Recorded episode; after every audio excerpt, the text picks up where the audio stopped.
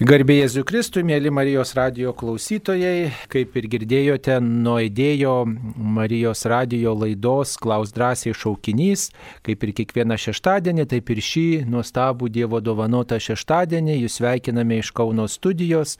Marijos radio laida, prie mikrofono esu aš kunigas Saulis Bužauskas ir šioje laidoje su mumis pranciškonų kapucinų ordino vienuolis Vincentas Tamošauskas. Taigi šeima tokia didelė, observantai arba bernardinai, kapucinai ir konventualai. Pas mus Lietuvoje visi pažįstami ir mm, čia studijoje kapucinas tėvas Vincentas Tamošauskas. Taigi mes atsakinėsim į klausimus. Taigi toks vienas e, klausimas yra apie šventos komunijos prieimimą.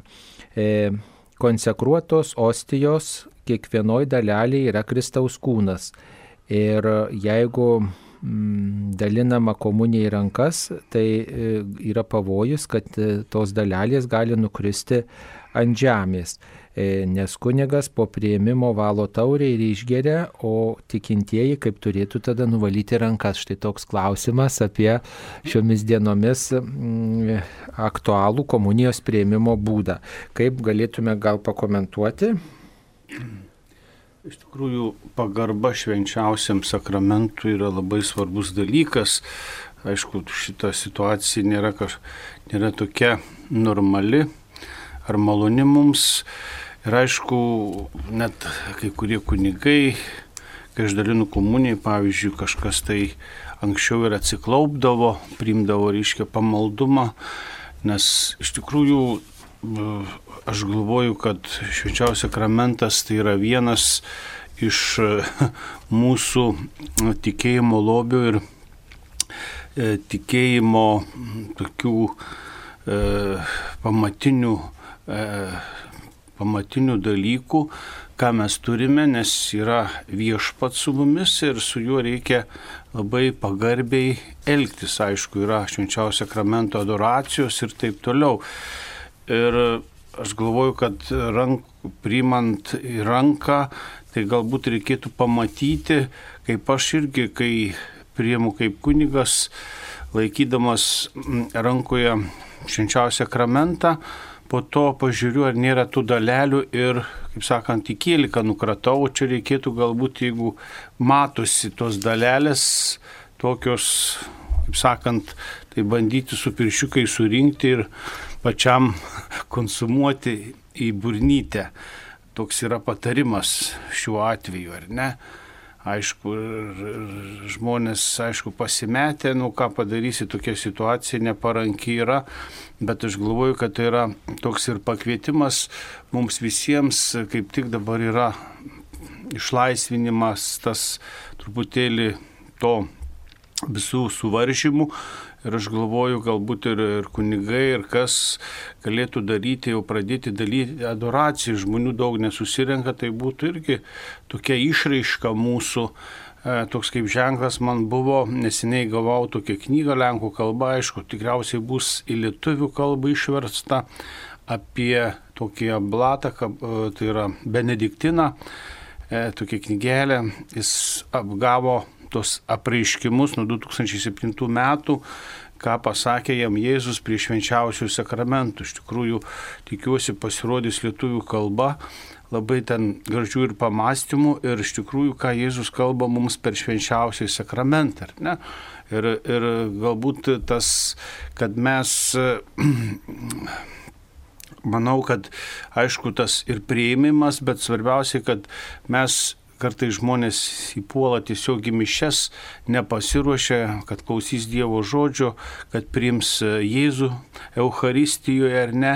Ir, ir labai svarbus dalykas, kitas dalykas galbūt pagarba, kad mes suvoktume, kad e, ypač nebėgti iš mišių ir pabūti su tuo Eucharistiniu Jėzu, kuris atėjo pas mane padoruoti jį, padėkoti Jėzui, o čia būtų galbūt e, tas, tas dalykas toks, pasakykime, žymiai pagarbos vertas, e, aišku, tos dalelės labai yra svarbu, kas be ko, bet taip pat pasiruošimas ir ta, tas, tas testinumas, tos padėkos po mišių, reikėtų į tai atkreipti dėmesį, ar ne, ir kaip tik e, vyksta ir tikriausiai prasidės tos naktinės adoracijos, tik visokių yra tokių pamastymų ir parapijose, vat, kad yra ir pirmas mėnesio ketvirtadienis, vat, kad ateiti, pabūti prie švenčiausių, aišku, sužadinti tą troškulį. Taip, tai pirmiausia turbūt reikėtų pagarbiai, kaip ir kunigas sako, jeigu pastebim kokį trupinėlį likusį derne, kaip komunija priimami ranką, tiesiog paimti ir, ir pagarbiai priimti ir tą trupinėlį, štai kad nenumestume ant žemės. Matot, mes e, tikrai taip e, nesuskaičiuosim tų visų dalelių ir žinom, kad jeigu dalelį matoma, viešpats pasilieka, jeigu tos dalelės ten nepastebi, mes nenorim išniekinti. E, taip sakant, jeigu ta dalelė ir nukrenta ant žemės, pasitaiko, kad ir kunigas dalina komuniją ir jinai iškrenta ant žemės ir ją paima pagarbiai, tai dalelė kažkokia gali ir lieka ant žemės, bet nėra sąmoningai tas daroma, o, o netyčia ir, ir visko žmonės žmonėms nutinka, nes esame silpni žmonės, svarbiausia mūsų širdies nuostata ir kaip mes priimam, kaip tą darom. Dar panašus klausimas iš, iš šios ryties komunijos prieimimo, ar kunigas dalindamas komuniją turėtų dėvėti kaukę. Nu, yra tokie nurodymai, reikia laikytis, saugoti vieni kitus. Aišku, aš dabar Dabar matote, truputėlį keičiasi tos taisyklės, truputėlį viskas laisvinama. Kai buvo toks nuoroda dalinti e, su, su, su, su kaukė, tai nu, kunigai gali koncelebruoti, e, reiškia koncelebruoti be kaukių ar ne, o dalinti čia buvo suvaržymas, bet aš galvoju, ateityje tikriausiai, gal, aš nežinau, čia tų, tokių, čia viskas greitai keičiasi, kas savaitę gaunam komunikatus iš viskupų konferencijos, daryti to, to, tą galima, to negalima. Aš galvoju, kad perspektyvoje galės kunigai dalinti be kaukių, aš taip manau. Taip, e, saugumo sumetimais turėtų kunigas dėvėti kaukę, tačiau kartais gal e, na, dėl kažkokių priežasčių pasitaiko atveju, kad ir nedėvi, tai ten, žinot, per kelias akimirkas gal niekas ten, kaip sakant, neįvyks, tai to nereikėtų labai taip sureikšminti ir, ir tiesiog mm, aišku, laikytis atsargumo reikia, tačiau nu, vis tiek pasitikėkim, kad viešpats likščioliai mus saugojo ir ateityje, jeigu būsim budrus ir pasitikėsim Dievui, tai ir saugosim vieni kitus, kiek galėdami, nu, neįvyks kažkokių m, mm, tokių mūsų liūdinančių įvykių. Taip, krikščionys turi sekti Marijos darybėmis. Gal galite įvardinti, kokios tos darybės? Nu ką, Evangelija, šventas raštas yra pasakyta, aišku, tos e, darybės taip paskaičius, taip galbūt paviršutiniškai nesimato, bet vat, yra, kaip sakant, ap, viešpaties e, ta sena, kaip sakant, apreiškimo Marijai ar ne. E, Marija, o, sako, angelas apreiškė Gabrielius e, Dievo planą Marijai, aišku, jinai e, truputėlį mąstė, buvo sumišusi ar ne, nu, netikitumu, bet ką mes visų pirmiausiai, ta darybė, kokia yra nuolankumas, sako, tebūnie taip, kaip tu pasakėjai, ar ne, priimti viešpaties valią. Aš galvoju, kad čia, e, nes jeigu, man atrodo, kad ta nuolankumo darybė, kuri eina nuo pradžios knygos, ar ne, kai mūsų pirmieji tėvai per nepaklusnumą padarė nuodėmę, nusidėjo ar ne. Ir kaip tik čia yra tokia, tokia ikona ar ne Marijos ar ne nuolankumo, priimti Dievo valią, priimti, aišku, ir priimti Dievo valią ir nu, gyventi tą pagal Dievo žodį, ar ne? Čia pirmiausiai būtų ta darybė, ne? Aišku, ir mes, mes irgi ir šiaip esu girdėjęs, sako, jeigu būsiu, nu, nes šventajame rašte taip ir tie sakramentai nėra parašyta, Jėzus nepa, nepaliko kažkokių teologinių traktatų ar ne, kažkokių dogmių, čia dogminė, čia yra, čia yra moralinė teologija ir taip toliau. Ne? Paliko mums visą prieiškimą, iš kurio amžių bėgiai bažnyčia pamato ir pastebi tam tikrus dalykus, ar ne? Ir aišku, darybė. Taip pat e, kita scena yra labai aiški, kad, e, kad po kryžiumi tas Jonas savo Evangelijoje paliko mums tą testamentą, štai tavo motina, ar ne? Jėzus sako, ar ne, štai tavo sunus, ar ne? Tai irgi, kaip sakant, darybės, ar ne? Marija nesišalino, kentėjo prie kryžimio, kaip sakant, tai yra irgi, jeigu kalbant apie Marijos darybės ar ne, jinai per tą prieiškimą suvokė, kokia jai misija skirta, tačiau ji ne, nebėgo ir nesislėpė, ar ne. Aišku, žinojo, kas vyks ant kryžiaus, su, įkentėjo ar ne, ir priėmė tai kaip Dievo valia, ar ne. Tai irgi tokia darybė, ypač šiuo pandemijos metu, e, to kančios skausmo iš tikrųjų yra daug ir atskirimas ir, ir visi kiti dalykai, ar ne. Taip pat kaip tik čia geras klausimas, ar ne, kaip priimti kaip Dievo valią, ar ne, tuos visus išbandymus, kurie, kuriuos mus iš, iš užklupo, bet e, tai yra ir mums asmeniškai toks kaip ir apvalimas, galim pasakyti, apvalimas mūsų visų tų, kaip sakant, visų jūslių, visokių dalykų ar ne, per kančią, per, per, per visokį ir pažeminimą galbūt, ar neturėjome kažkokių planų, kažką turėjome daryti ir staiga viskas sugriuvo, ne, ir priimti kaip Dievo valią. Ir aš galvoju, kad šiandieniniai iššūkiai tai yra Dievo planas mums kažkoks. Ir aišku, kartais mes nenorime priimti, ne, o jeigu žiūrim į Marijos darybės, ar ne, jinai pasitikė pasitikėjo, pasitikėjo Dievu, ar ne? Iki, iki galo, ar ne?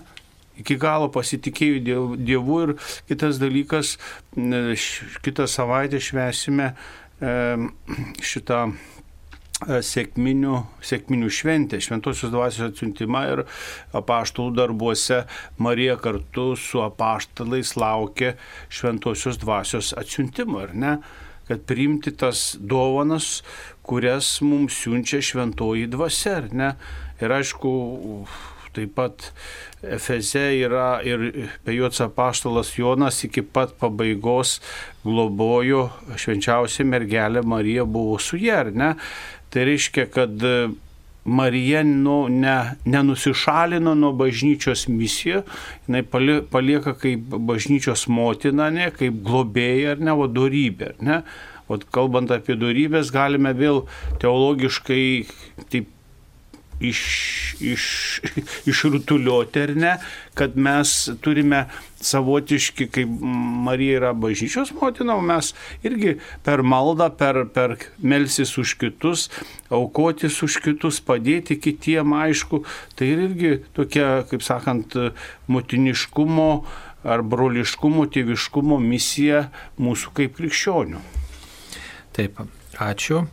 E, praktiškai visos krikščioniškos darybės yra e, tinka ir mergeliai Marijai. Tai kokią be paimsime, mes galime atpažinti viename ar kitame Marijos gyvenimo epizode. E, tai tik tai Marijos darybėmis sekti, tai reiškia turėti tokį konkretų asmenį kaip pavyzdį. Dabar dar klausimas yra apie mirusius mūsų artimuosius. E, po vyro mirties, e, po kiek laiko praėjus po vyro mirties jau galiu mūvėti vestuvinį žiedą ant dešinės rankos ir kada galima deginti jo laidotuvių nuotrauką. Tai turbūt ne, nėra nustatyta, bažnyčia tikrai nieko negali pasakyti, kada deginti tą nuotrauką iš viso, ar reikia ją deginti, klausimas. Jeigu matot, kad tos nuotraukos jau nebebus niekam įdomios ir tiesiog kažkas po jūsų jas išmes, aišku, gal geriau imti ir sudeginti tiesiog, o, o vestuvinį žiedą galima nešioti ant dešinės rankos net ir mirus vyrui. Tai tiesiog ženklas, kad jūs mm, buvot prieimusi santoko sakramentą ir tiesiog ženklas visiems na, apie jūsų padėtį, o kad, e, kad jau tas vyras miręs, tai čia, kaip sakyti, jau yra kitas dalykas ir, ir tas vestuvinis žiedas, jisai primena jūsų ištikimybę, įsipareigojimą, vat, kol vyras gyveno, tai reiškia, tai jūs esate ištikima jam, vyras mirė, tai jūs galite, reiškia, sudaryti kitą santoką pagal bažnyčios mintį, bet žmogus nešioja žiedą, reiškia, jis tos ištikimybės laikosi, net jeigu ir žmogus yra miręs, jisai iš tai laikosi ir gyvena vienas ir, na, prisimena tą iškeliavusi žmogų ir gyvena taip, tarsi būtų ta, vedęs. Ta viltimi, kad galbūt kiti net po e, artimo žmogaus e, nuo mirties išėjimo paprasčiausiai sako, aš nesutiksiu kito žmogaus ir Tai yra toks dalykas, kad pavyzdžiui mes tikime e, prisikėlimu iš numirusių ar ne. Ir tikriausiai ten kažkokiu būdu ta ištikimybė visien, o tai yra mūsų gražus tikėjimas, visuomet pabrėžiu ar ne, nėra toks kažkoks pagoniškas ar nes kažkokios energijos ten kažkur kažkas kažko tai tikėti, o savo kaž, kažką gauti ar ne, o mes ot, kartais kalba apie tą ir genealoginio medžio ten išgyjimą visokių dalykų. Čia viskas yra labai paprastai, net primityvu, ar ne? Įsivaizduojate, mes turim galimybę, tikim, kad yra mirusiųjų prisikėlimas, e, aišku, egzistuoja ir skaistikla, egzistuoja ir pragaras, dangus ar ne, ir mes savo maldą, o kaip tik yra ir vėlionių oktava, kiti dalykai, mes kaip tik savo savo, tais, savo maldą galime padėti mūsų išvisiesiems. Ir, aš, ir tai yra gražus ryšys, ar ne, prisiminti, dėkoti ir savo vyrui, ar, ar savo žmonai, ar ne, kad jinai buvo, kad Dievas atsiuntė, ar ne. Ir aš galvoju, čia toks truputėlį man tas klausimas kvepia tokie truputėlį kažkokių ne ezoterika, bet truputėlį tokių kažkokių, čia įsi, neįsigalvojimų, gal prietarų ar ne, ten deginti nuotraukas, taip, anaip, kartais ten klausia, sako, ar, ar nešia moteris gali dalyvauti krikšte, ten kažkokių žmonės prisi. Aš galvoju, kad e, galbūt e, maldoje reikėtų atpažinti, ne kas yra svarbiausia, ar ne o ta žmogaus meilė, tas išėjimas, o tas žiedas e, ar ant tos rankos, ar ant tos deginti nuotraukas, aš galvoju, kad čia yra kažkokie pramanai truputėlį, nežinau kaip čia kad paskui aš galvoju, kad mes e, kartais e, užsimam tais antrailiais kažkokiais priedais, tokiais nereikšmingais, net kenksmingais, kad mes prarandame esmę ir tą tikslą, kur einame, ar ne? Ir jeigu tas, kaip tik ta graži, esu susitikęs žmonių, kurie sako, reiškia, na, našlių, vyrų, moterų, e, kurie sako, kai, sako, koks nuostabus vyras mano buvo, kaip jis mane mylėjo, sako, aš tiesiog džiaugiuosi ir, ir sako, gaila, kad jis išėjo, sako, ir aš tikiuosi, kad mes susitiksam žinybėje. Tai yra gražus toks meilės įrodymas. Taip, mums paskambino. Paskambino Joana iš Vilniaus. Taip, Joana, klauskite. Garbė Jėzui Kristui. Per amžius. E, žinot, gerbiamas kunigėlį, ko aš norėjau jūsų paklausti. Aš vakar buvau bažnyčioje, aš esu Vilnietė ir mano parapija Jurgio Matulaičio bažnyčia dalino komuniją. Ir žinot, dabar e, reiškia e, dešinė ranka pačioj, kairė viršui ir pats savo reiškia dėdi būdą. Ir ta komunija nukrito ant žemės. Ir, ir žinote, man tą komuniją, e, man atrodo, turėjo kunigas atidėti į šalį ar kaip. Nu, ar, nu, man tai labai vakar nepatiko. Kažkoks vyras šalia manęs stovėjo, padavė man į rankas ir aš tada įdėjau į burną tą komuniją. Man atrodo, turėjo duoti man kitą komuniją. Taip, ačiū, supratom. Ačiū, tas klausimas toks, m, mm, aišku, iš tikrųjų galvoju, kad, aišku, yra e, tokie, kaip sakant, tos e, iš viskupų konferencijos nuoros, bet pavyzdžiui, jeigu žmogus serga per Parkinson lyga, ateina drebantis, vieną rankoje la, laiko lasdelį ir kitą ranką drebantį, aš galvoju, kad kunigas, nu kaip į ranką paduos, truputėlį kažkaip, aš galvoju, kad čia reikėtų, m, mm, aišku, čia yra, nu yra tų ekstra atvejs, kaip dabar žmogus priims komuniją, ne? Nu, aišku, o, o tas dėl nukritimo, aišku, ką, aišku, turėjo pagal visas taisyklės e, kunigas įdėti, atidėti atskirai į ostiarijų, ar ne, kuris yra ten šalia tabernakulio, tam tikra vieta, ar ne, ir jis turėtų tą komuniją, kuri nukrito, nu, iš, iš, e, kaip ir iš, ištirpti, ar ne. Pasakykime taip, tokios yra taisyklės, ar ne, bet kadangi gal buvo žmonių, gal buvo kas, kartais, vot, nu, atsitinka taip, kaip atsitinka, ar ne? Bet kaip e, kunigas Saulis, jeigu pradžius laidoje klausėte, sakė, kad svarbiausiai nu nebuvo blogos intencijos, ar ne? Nu, mes kartais vat, kažkaip ar neprimame, ar kartais net nuodėme užmirštame išpažinti, ar ne, per, per kažkokį tai susijaudinimą, viską sakėm, sakėm, o kažko pamiršome. Ne tas pats ir su komunijos primimu, ar ne, jeigu nebuvo blogos valios, irgi kartais, nu, irgi man taip duoda, kartais irgi pasitaiko man kaip kunigui, ar ne, nu, dalyjant, nu, iš tikrųjų tokį diskomfortą jaučiu, nu, bet, bet nėra blogos valios, nėra blogos intencijos, kad aš niekinčiau, kad kažką padaryčiau padaryti esam žmonės, nu nesam tobuli robotai, kad viską jau tobulai taip viską padarytume, ar ne? Kaip būtų čia irgi, galbūt ir broliai kunigai klauso, iš tikrųjų yra tokių ekstra atvejų, kai žmogus nu, negali e, ten e, iš rankos pats save priimti tą komuniją, galbūt reikėtų supratingumo ir žmogus, jeigu kokį senelę ten galbūt net neprimato, ar ne, jinai reikėtų išimtinais atvejais, aš galvoju, kad tas įstatymas yra bendras toks, čia yra bendrai, ar ne, bet yra išimčių, ar ne. Dabar, vat, sako, reikia priimti komuniją tik tai sklūpant arba atsistojus. Ne? O, pavyzdžiui, jeigu yra ligonis, guli lovoje, ne? Nu, jis gulintis priema ir čia viskas yra tvarkoje, ar ne? Taip, mums paskambino. Paskambino Juratė iš Šiaulių. Taip, Juratė, klauskite. Garbėzui Kristui. Per amžius. Turiu du klausimus. E, pirmas klausimas. E, jūs pradėjote skaityti knygą Juodųjų eglių šalis. Taip. Ir kažkaip tai taip įdomiai, žmonės visi žino, kad tuo laiku jinai yra skaitoma, įsijungia ir klauso. Dabar jau kelintas kartas, kai vietoj tos knygos yra įdedama kadžytės laida.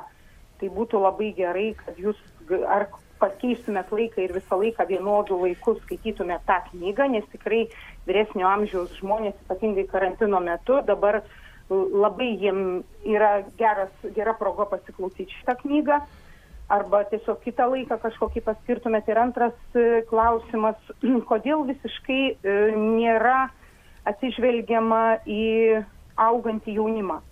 E, reiškia, anksčiau pačioj pradžioj, kai buvo Marijos radijas, buvo laidelės vaikams, paskui jos dingo.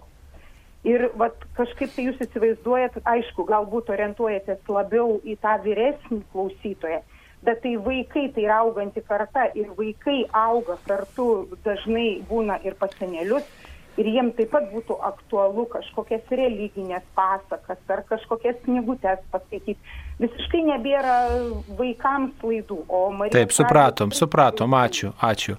Nu, matot, e, laida, kuri vyksta to kvėpio valandėlį, e, transliuojama šeštadieniais 16 val. Tai yra tokio formatų truputį laisvesniam, atsipūsti, tai ta įvairovė, aš sakyčiau, nebūtų labai blogai. Mes vis tiek mūsų mūsų gyvenimo ritmas yra suskirstytas taip, kad mes tik nuo sykio turim tam tikras šventes ir tų švenčių progą mes galime galime, reiškia, klausytis ir tokių intarpų apie tas šventes, kaip jie švesdavo anksčiau ir, ir, ir tam tikrus pamastymus ir, ir, ir tų žmonių, kurie domisi tomis e, šventėmis, tų švenčių istorija ir manyčiau, ta įvairovė visuomet yra privalumas. Štai aišku, įprasti klausytis tuo pačiu laiku yra gerai, bet aš sakyčiau, tai kaip tik tai intriga laukti, o kas bus ir, ir, ir, ir tiesiog na, laukti kito skaitinio ir, ir gal tas skaitinio atsiskaitinį atidėti, kai yra kažkokia šventė, na tai tiesiog taip yra numatyta ir manau, kad redakcija turi tą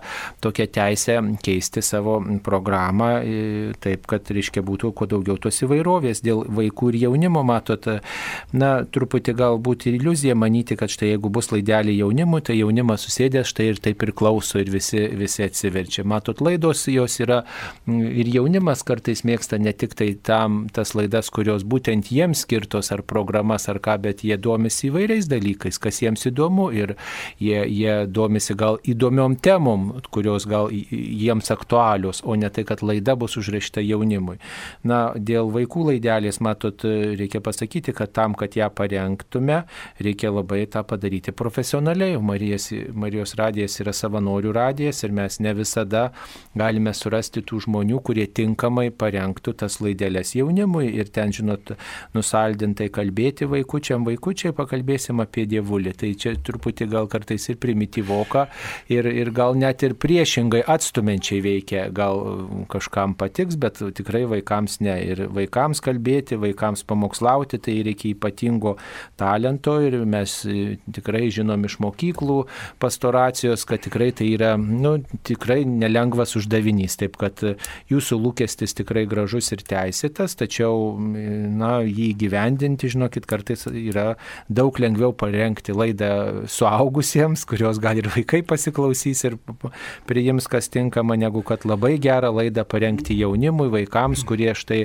na, klausytų ir, ir, ir turėtų naudos. Tai, tai tiesiog, žinot, mūsų kartais jėgos nėra tokios kaip sakoma, e, tokios pakankamos, kad mes galėtume gerą laidą parengti vaikams ir jaunimui. Tai e, žinoma, nuolat pasvarstom šitą temą, tačiau e, kai atsiras tų, kurie galėtų tą daryti, mielai tą darysime. Nu, aš galvoju, prie to pačio dėl vaikų jaunimo, kaip tik aš sutinku su kunigu Sauliumi, kad galbūt net idėją siūsti Marijos radiją, gal paskaityti, gal, gal ot iš jūsų dabar jūs uždavėte klausimą, gal jūs pati galėtumėt kažkaip pravesti kažką, pa, pasiūlyti ar ne.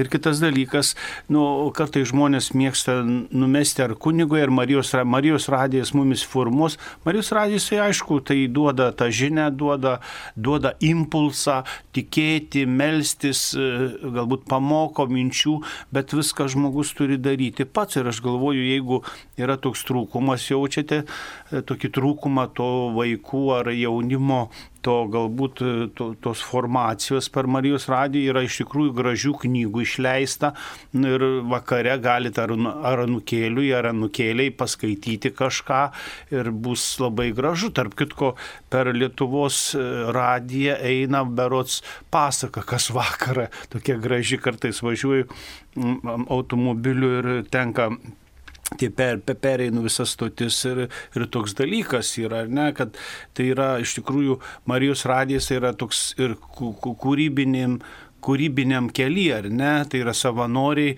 vieni ateina, kiti ateina, visokių idėjų ir kad iš tikrųjų kartais ir jaunimui mes, mums atrodo, kad tas jaunimui, kas mums įdomu ir jaunimui, jau kartais yra priešingai. Ne, kartais tokių dalykų atsitinka, kad filosofinė laida daugiau jaunimą įkvėpia, negu kad mums atrodo, ar ne? Taip, e, tai toliau atsakysime į klausimą apie, e, į klausimą, kuris yra mums dabar paruoštas e, tiesioginėme eterį mums paskambino. Paskambino 92 metų Romualda iš Alitaus. Taip, Romualda, klauskite. Garbėjau Žikristą. Per amžius. Norėčiau, kad jūs paaiškinate ar pamokintumės, kaip tai malda prieš mišias, kadaise yra kalbama dabar šitas gailėčius už nuodėmes, kur sako, esu kaltas, ten darbais žodžiais nusidėjau. Ar reikia prisiminti nuodėmes nuo pradžių, nuo jaunystės, kur jau atleistas kelis kartus, ar po paskutinės išpažinties, arba ar ten, ar, ar tuos dienos. Tai vienas dalykas. Antras dalykas Dabar sako, nusidėjau mintimis, žodžiais, darbais, apsileidimais. Aš amžiaus nemėgau blogių žodžių priverčiai, bet jau dar, kol dirbau, kol buvau būlytė, viską buvo. Dabar jau kai viena tarp keturių sienų būnu, jo blogo žodžio net negirdėjau apie devynis metus, sakyti žodžiais. Nu, į mintis irgi neįsileidžiu, nes turiu šitą tokių nuklydžiusių brangių žmonių, kur meldžiu tik pasigailėjimą ir nežinau, pasakau, kad nusidėjau mintim žodžiais, man atrodo, kaip melagystė. Ir kaip elgtis, kaip melsis tokiu atveju. Taip, supratom, ačiū. Labai gražu, kad būdama tokio garbingo amžiaus, taip tikrai šviesiai mąstot ir tikrai labai aktualūs klausimai. Ačiū Jums. Tai ta malda prisipažįstu visagaliam Dievui. Tai čia, žinot, prisiminti turbūt per tas kelias akimirkas nei viso gyvenimo, nei, nei, nei, nei savaitės, nei, nei nei dienos, gal tų nuodėmių gal neįmanoma, yra bendrai tokia atgailos nuotaika, kad štai ateinu, ateinu pas viešpatį su troškimu jį priimti, bet jaučiuosi nevertas, neverta, nenusipelniusi, net nepasiruošusi gal tinkamai. Tiesiog tokia bendra atgailos nuotaika išgyvenama, bendras pasiruošimas. Reikėtų bendrai prisiminti, kad esam trapus, klystantys žmonės. Vienu ar kitu gyvenimo momentu esam nusidėję. Gal, gal nepastebėjom, kad nusidėjom pradėjom. Va, tiesiog tokia, nu, apgailestavimas, kad esu silpnas, trapus žmogus ir, ir galbūt negyvenu ne, ne taip, kaip Dievas norėtų. Bendra tokia atgailos nuotaika. O nusidėjau mintimis, žodžiais, darbais ir apsileidimais, tai yra bendra malda, jeigu man kažkuris dalykas, kaip sakyti, nėra aktualus, tai žinot, nemeluosite, kad jūs pasakysite nusidėjau, o nebūsit nusidėjus. Tiesiog mes išgyvenam tokį bendrą solidarumą ir su kitais žmonėm, kurie e, štai dalyvauja ir galbūt kitas žmogus nusidėjo, bet aš tiesiog stoju šalia to brolio, šalia to sesers ir kalbėdama tą maldą tiesiog, na, išgyvenu kartu su juo tą atgailą, vat, jeigu jis ir mažiau išgyvena ar daugiau, bet štai aš kaip tik tai irgi esu tos pačios žmonių giminės ir, ir vienijamės ruoždamiesi švęsti šventasias mišes. Ir visada prisiminkim, kad gal mes kartais ir nepastebim tų minčių, kurios yra mm, e, kažkokios gal tamsios, niūrios, pilnos nevilties, gal smerkimo kažkokio, gal tiesiog mes nepagalvojam apie jas ir, ir o, o būnam, būnam tiesiog jas pasirinkę arba pamiršę pamirštam, kad pasirinkome. Tai, tai tiesiog yra išvardinimas ryčių tam, kad mums primintų, jog įvairiais būdais nuodėmė kėsinasi į mūsų gyvenimą. Ir per mintis, per žodžius, per darbus. Ir net jeigu ir neturiu, bet um, sukalbu tą maldą, tai tikrai nebus melo, bet bus tas kvietimas apmastyti mano gyvenimo istoriją ir kvietimas būti budriai toj srity, kad galbūt iki šiol nenusidėjau, bet nereiškia, kad tą pačią dieną gal arba vėliau nenusidėsiu mintimis, žodžiais mm, ir darbais. Tai tikrai gal vyresnis žmogus, sergantis žmogus ar, ar, ar niekur nevaikštantis žmogus turi mažiau gal tų progų, bet tai nereiškia, kad jau jis nebenusidės. Tai tiesiog bendra tokia atgailos nuotaika, tai pakomentuotume, kunigė, ką tai pridėsi. galbūt dar pridėčiau, kad čia reikėtų truputėlį skirti ir, ir aišku, čia kunigas Saulis kalbėjo tikriausiai apie lengvas nuodėmes, kurios yra atleidžiamos ar ne Aišku, tokia yra praktika anksčiau pagal um, Ignacijos Lojolos pratybas e, būdavo raginama atlikti, išpažinti galbūt tas dalykas čia iš dvasinių pratybų, iš viso gyvenimo, ar ne, kelis kartus. Ne. Dabar bažnyčios praktika yra tokia, jeigu tu išpažinai, gailiesi, ir kaip ir nevertėtų, mes pasitikim Dievo gailestingumu ir grįžti prie tų pačių nuodėmę, ar ne? Ir per mišes atleidžiamos yra tokios lengvesnės nuodėmės, ar ne? Lengvos, o sunkios reiškia arba po mišių, arba prieš mišes, arba tam tikrų laikų reikėtų eiti iš pažinties, ar ne? Ir aišku, tas kaip sakant, ta atgailos nuotaika, čia truputėlį kunigas Saulis prisimė ir užtarimo, ir užtarimo maldą, kaip sakant, užtarti kitus, kurie galbūt nesigaili, kodėl, kaip mes kaip bendruomenė, ar ne, gal žmonės tamsoje yra, ar ne. Ir matote, ir tų kartais mes turime išpažinti tas nuodėmės, kartais, kad mes galbūt įžeidėm, kažką padarėm ir mes nesijaučiam, ar ne. Pavyzdžiui, o, čia yra apsileidimais, ar ne. Tai vad, ko, pavyzdžiui, gėrių nepadariau, ką galėjau padaryti, nu, irgi yra toks arba neustojau, neginiau tiesos, įsigandau ar ne, atrodo, šiandien nieko blogo nepadariau, bet vis dėlto apleistas gėris irgi toks, kaip sakant, yra nu, apsileidimas irgi nuodėmė. Ir esam trapų žmonės, kaip minėjau, ir aišku, tų visokių nuodėmių kartais ir nebūtina, nu, labai gerai tą sąžinę sąskaitą padaryti prieš mišes ar ne, maždaug ot, per savaitę, prieš savaitę gal buvo iš pažinties ar komuniją priemė ar ne, ir ten prabėgti plus kiek įmanoma. O kartais žmogus yra susijaudinęs, turi kažkokią įtampą ir paprasčiausiai čia yra kaip tik tas aktas, tai yra visos bažnyčios aktas, ne tik mūsų asmeninis, kad stovime prieš Dievą, prieš savo atpirkėją ir turime suvokti, kad esame bendruomenė nusidėjėlių, ne? Ne šventųjų, kurie eina link, link šventumo, link dangaus, tai yra va, toks bažnyčios, pasakykime, malda, tai yra ne mūsų tik asmeninė, bet kaip bendruomenės, ne? kad esame nusidėlę, stovime tiesoje Dievo akivaizdoje ir sako, Dieve, žiūrėk, kokie mes iš tikrųjų esame, kad mums reikia atsivertimo, persikeitimo, aišku, ir prisipažinimo. Ir, ne, ir Dievas be prisipažinimo negali mums kažko atleisti, jeigu mes mm, neprašome ne, nepasakome, kad esame blogai pasielgę. Taip, tai mm, ačiū Jums. Dabar dar viena žinutė mums atėjo apie psalmes. E, psalmės kaip maldos, man juose nesuprantama daug dalykų. Dvasios tėvas patarė melstis psalmėmis priklausomai nuo gyvenimo situacijų. Taip, dvasios tėvas patarė labai gerai jums, nes e, psalmės yra universalios tokios maldos ir nereikėtų turbūt labai tai pažodžiui tų psalmių suprasti.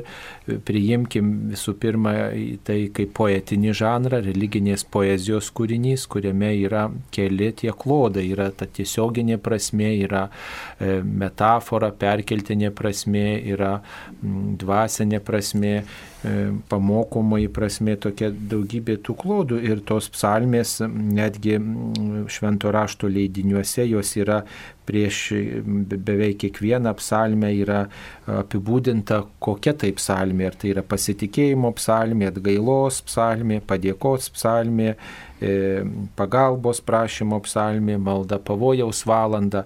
Ir tikrai dvasios tėvas labai išmintingai jums patarė, jūs galite štai pagal savo situa gyvenimo situaciją atrasti, kokia psalmė jums tuo metu yra artimiausia ir ją melstis. O jeigu ten jums kažkas yra nesuprantama, tai tikrai ne pažodžiui stenkite suprasti, bet kaip ir perkeltinė prasme ir tokia dvasinė prasme, tie priešai, kuriems meldžiam, kurių pražūties meldžiam, tai galbūt gali būti mūsų įdos, mūsų trūkumai, mūsų, mūsų kažkokios mintys, kurios mus atitraukia nuo Dievo ir tiesiog labai plačiai reikėtų žiūrėti ir visada verta pasiskaityti ir tuos komentarus, jeigu jums kelia kažkokį nerimą. Paprastai katalikiškuose Senojo testamento leidiniuose yra ir e, psalmių komentarai apačioje puslapio pačioje. Tai e, tikrai verta tuo pasinaudoti, nebent kunigė ką pridėsite. Taip, ir kaip tik gerai būtų įžanga prieš mūsų katalikiškame leidinėje yra kaip tik įža, įvadai į knygas, ar ne, į pranašų, į psalmių, ar ne, tai yra, kaip sakant, priklauso prie išminties literatūros ar ne.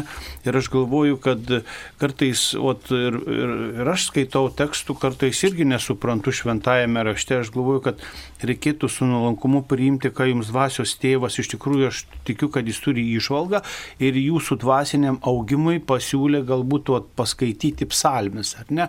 Ir aišku, žinome, kartais, aš irgi kartais pribėgu, atsiverčiu iš karto, bet prieš paimant šventą šventą raštą reikėtų paprasčiausiai melsti šventosios dvasios asistenciją, vat, e, kaip sakant, taip e, truputėlį su, sustoti, nusiraminti, paprašyti Dievę apšviesk mano protą, kad galėčiau melstis, suvokti, suprasti, ar ne. Ir aišku, kaip minėjau, čia yra šventas raštas, tai yra neįsėmiami klodai, ar ne. Kiek skaitau šventą raštą, kartu atrodo tą patį fragmentą ir vis naujų dalykų atsiveria. Net tas pats yra su psalmėmis, o, su, su tais komentarais ir taip toliau, ar ne? Ir paprasčiausiai, kai jeigu mel, e, maldoje svarbiausia yra meilė, ne? Myliu aš tą psalmę, nors nesuprantu ir tikėkime, kad kažkokiu e, jūsų gyvenimo momentu kažkas kažkada galbūt jinai prakalbės. Ne, yra atgailo šlovinimo psalmės, ten daug visokių dalykų. Na, e, dvasios tėvo temai arba nuodėmklausio temai dar panaši žinutė ar nuodėmė, jei nesu atviras draugams, tik Dievui ir nuodėmklausiui. Na tai tikrai ačiū, kad jūs esate atviras Dievui, mielas klausytojo, klausytoja, ir nuodėmklausiui. Tai tikrai yra labai svarbu būti atviram nuodėmklausiui. O dėl atvirumo draugams, tai turbūt svarbiausia nemeluoti. Jeigu jūs kažko nepapasakojat, nes nepasitikite, tai nėra nuodėmė. Tai tiesiog, na, žmogiškas silpnumas, draugų mūsų silpnumas, kad mes netobulė esame ir mes, nu, nepasitikim, negalim visko papasakoti apie save draugams, nes bijom, kad gal tas draugas išduos ar panašiai. Ir svarbu nemeluoti ir neklaidinti. Va, nemeluoti ypač svarbiuose dalykuose ir, ir neklaidinti. Jeigu yra vienaip, o aš sakau kitaip, va tada yra nuodėmi, kai aš klaidinu melas. O jeigu aš patyliu kažką pasakau arba, nu, dviprasmiškai pajokauju kažkaip ir, ir pasilieku savo teisę ten vieną ar kitą dalyką pasi, savo pa, vieną ar kitą dalyką apie save nepapasakoju, tai tikrai nebus nuodėmė. Nu, iš tikrųjų, aš sutinku ir, ir, nere, ir šiaip nereikia visiems žmonėms apie viską kalbėti. Ką tai reiškia atvirot? Jūs čia labai graži žinutė, kad jūs esate atvira Dievui, viską išsakot nuodėm plauksiu, ne? O kiti žmonės, nu, kartais ir gali pasinaudoti tam tikrą informaciją, reikia atsargiai ir išmintingai, aišku, neapgaudinėti, nemeluoti ar ne, galbūt kalbėti tokiomis temomis, galbūt mes nesam pribėgę subrendę pasakyti ar tiesos apie save ar apie kitus ir nereikia savęs galbūt taip privartauti, laužti, kad jau čia mes visiems kažkaip būsime atviri, va, toks, toks vėl nukrypimas į tą pandemiją, tokie šūkiai, va čia būkim visiems atviri, atviri, nebijokim nieko ir staigiai viskas užsidarė. Reikia pradėti bijoti visko, ar ne? Čia yra toks, tok, tokia buvo jau tokia filosofija kažkokia sugalvota, ar ne? Čia visiems, visiems atviri, matote, nu negalima taip reikia atsargiai būti, o į prieš nuodėmį, prieš kitą, ne į kaukės dėvyti. Ir visas tos dalykus, mato, čia reikia tokia išminties. Aš galvoju, kad čia visuomet tame reikia meilės ir išminties. Taip, ačiū, mums paskambino. Vinsas iš Vilijampolės. Taip, Vinsai, klauskite. Pagarba e, nuoširdžiausia laidos e, dalyviams, garbėčiams kunigams. E, tokį, man kaip profanai toks. Klauskite, prašau, klauskite. Neaišku. Dabar pagal Švento Morkaus evangelisto berots, jo, pagal jo teiginius, kad pagal jų judėjų laikinį, reiškia, tikėjimą arba Talmudo, ten nuorodas, kad kaip turėjo būti sužadėti, po sužadėtuvų tik turėjo galėti įvykti intimas, reiškia, tai sužadėtuvės trukdo apie metus laiko, tai 12 mėnesių. Na, bet jis kaip susi, Jozapotas susižiūrėjo su Marija, e, taip, Jėzus Kristus gimė po septynių mėnesių, tai kaip suprasti, jis nezaponas. Taip, supratom, supratom, supratom jūsų klausimą, skaičiuojat matematiškai viską ir vienu žodžiu čia turbūt giliai klystate, nes ne tą norėta pasakyti. Jeigu mes skaičiuosim viską šventam rašte matematiškai, tai tikrai surasim labai daug netitikimų, labai daug, e, daug visokių niuansų, kurie mus suklaidins. Ne, ne tai norėta pasakyti šventam rašte nereikia skaičiuoti matematikos ir, ir, ir mėnesius, ir, ir datas ir panašiai. Bet žiūrėti žinia kokia nešama. Kokia nešama žinia. Juozapas parsivedė Mariją, kuri jau turėjo vaikelį, ne nuo jo. Va čia žinia, kad Juozapas vis dėlto priemė žmogų, moterį Mariją besilaukiančią. Ir tai yra didysis iššūkis jo gyvenime, bet jis gavo ženklą iš viešpaties, kad reikia globoti, saugoti šitą moterį, nes jos vaikelis yra iš šventosios dvasios. Ir matom, kad tas vaikelis tikrai buvo nepaprastas vaikelis, o per jį pasikeitė pasaulio istorija, kad jis ir atleido nuodėmės, ir išgydė, ir pamokė, ir patarė, ir galų gale numirė ir prisikėlė. Ir niekas nesiginčia, kad tai buvo paprastas žmogus, kad tai tikrai buvo ir Dievas, ir žmogus tas vaikelis, nes mm, jis e, štai sugebėjo nugalėti mirtį ir prisikėlė. Negana to, tą prisikėlimą dovanoja mums visiems daugybė žmonių. Ir tai yra svarbiausia. O kad ten mėnesis ar kažkas jūsų skaičiavimais netitinka, tai tikrai prie to neprisiriškite. Ne, ne, ne tai svarbiausia. Tai aš sutinku su kunigu Sauliumi ir, ir galbūt porą žodžių, kad aš manau, kad žiūrėti reikėtų į esmę. Juk žydai irgi, ką Jėzus skelbė, fariziejai rašto aiškintojai atmetė. Sako, jis yra jis sako, aš esu Dievas, ar ne, aš esu atpirkėjas, ar ne, jis atmeti tokią žinią, ar ne. Ir aš galvoju, kad čia tokie galbūt antrailiai ir ne, nes, nesvarbiausi dalykai mūsų gyvenime, ar ne. O ta nešama žinia, tas dalykas, ar ne, galbūt ot, ir apreiškimas, kaip reikia e, stebėti Dievo ženklus, ar ne.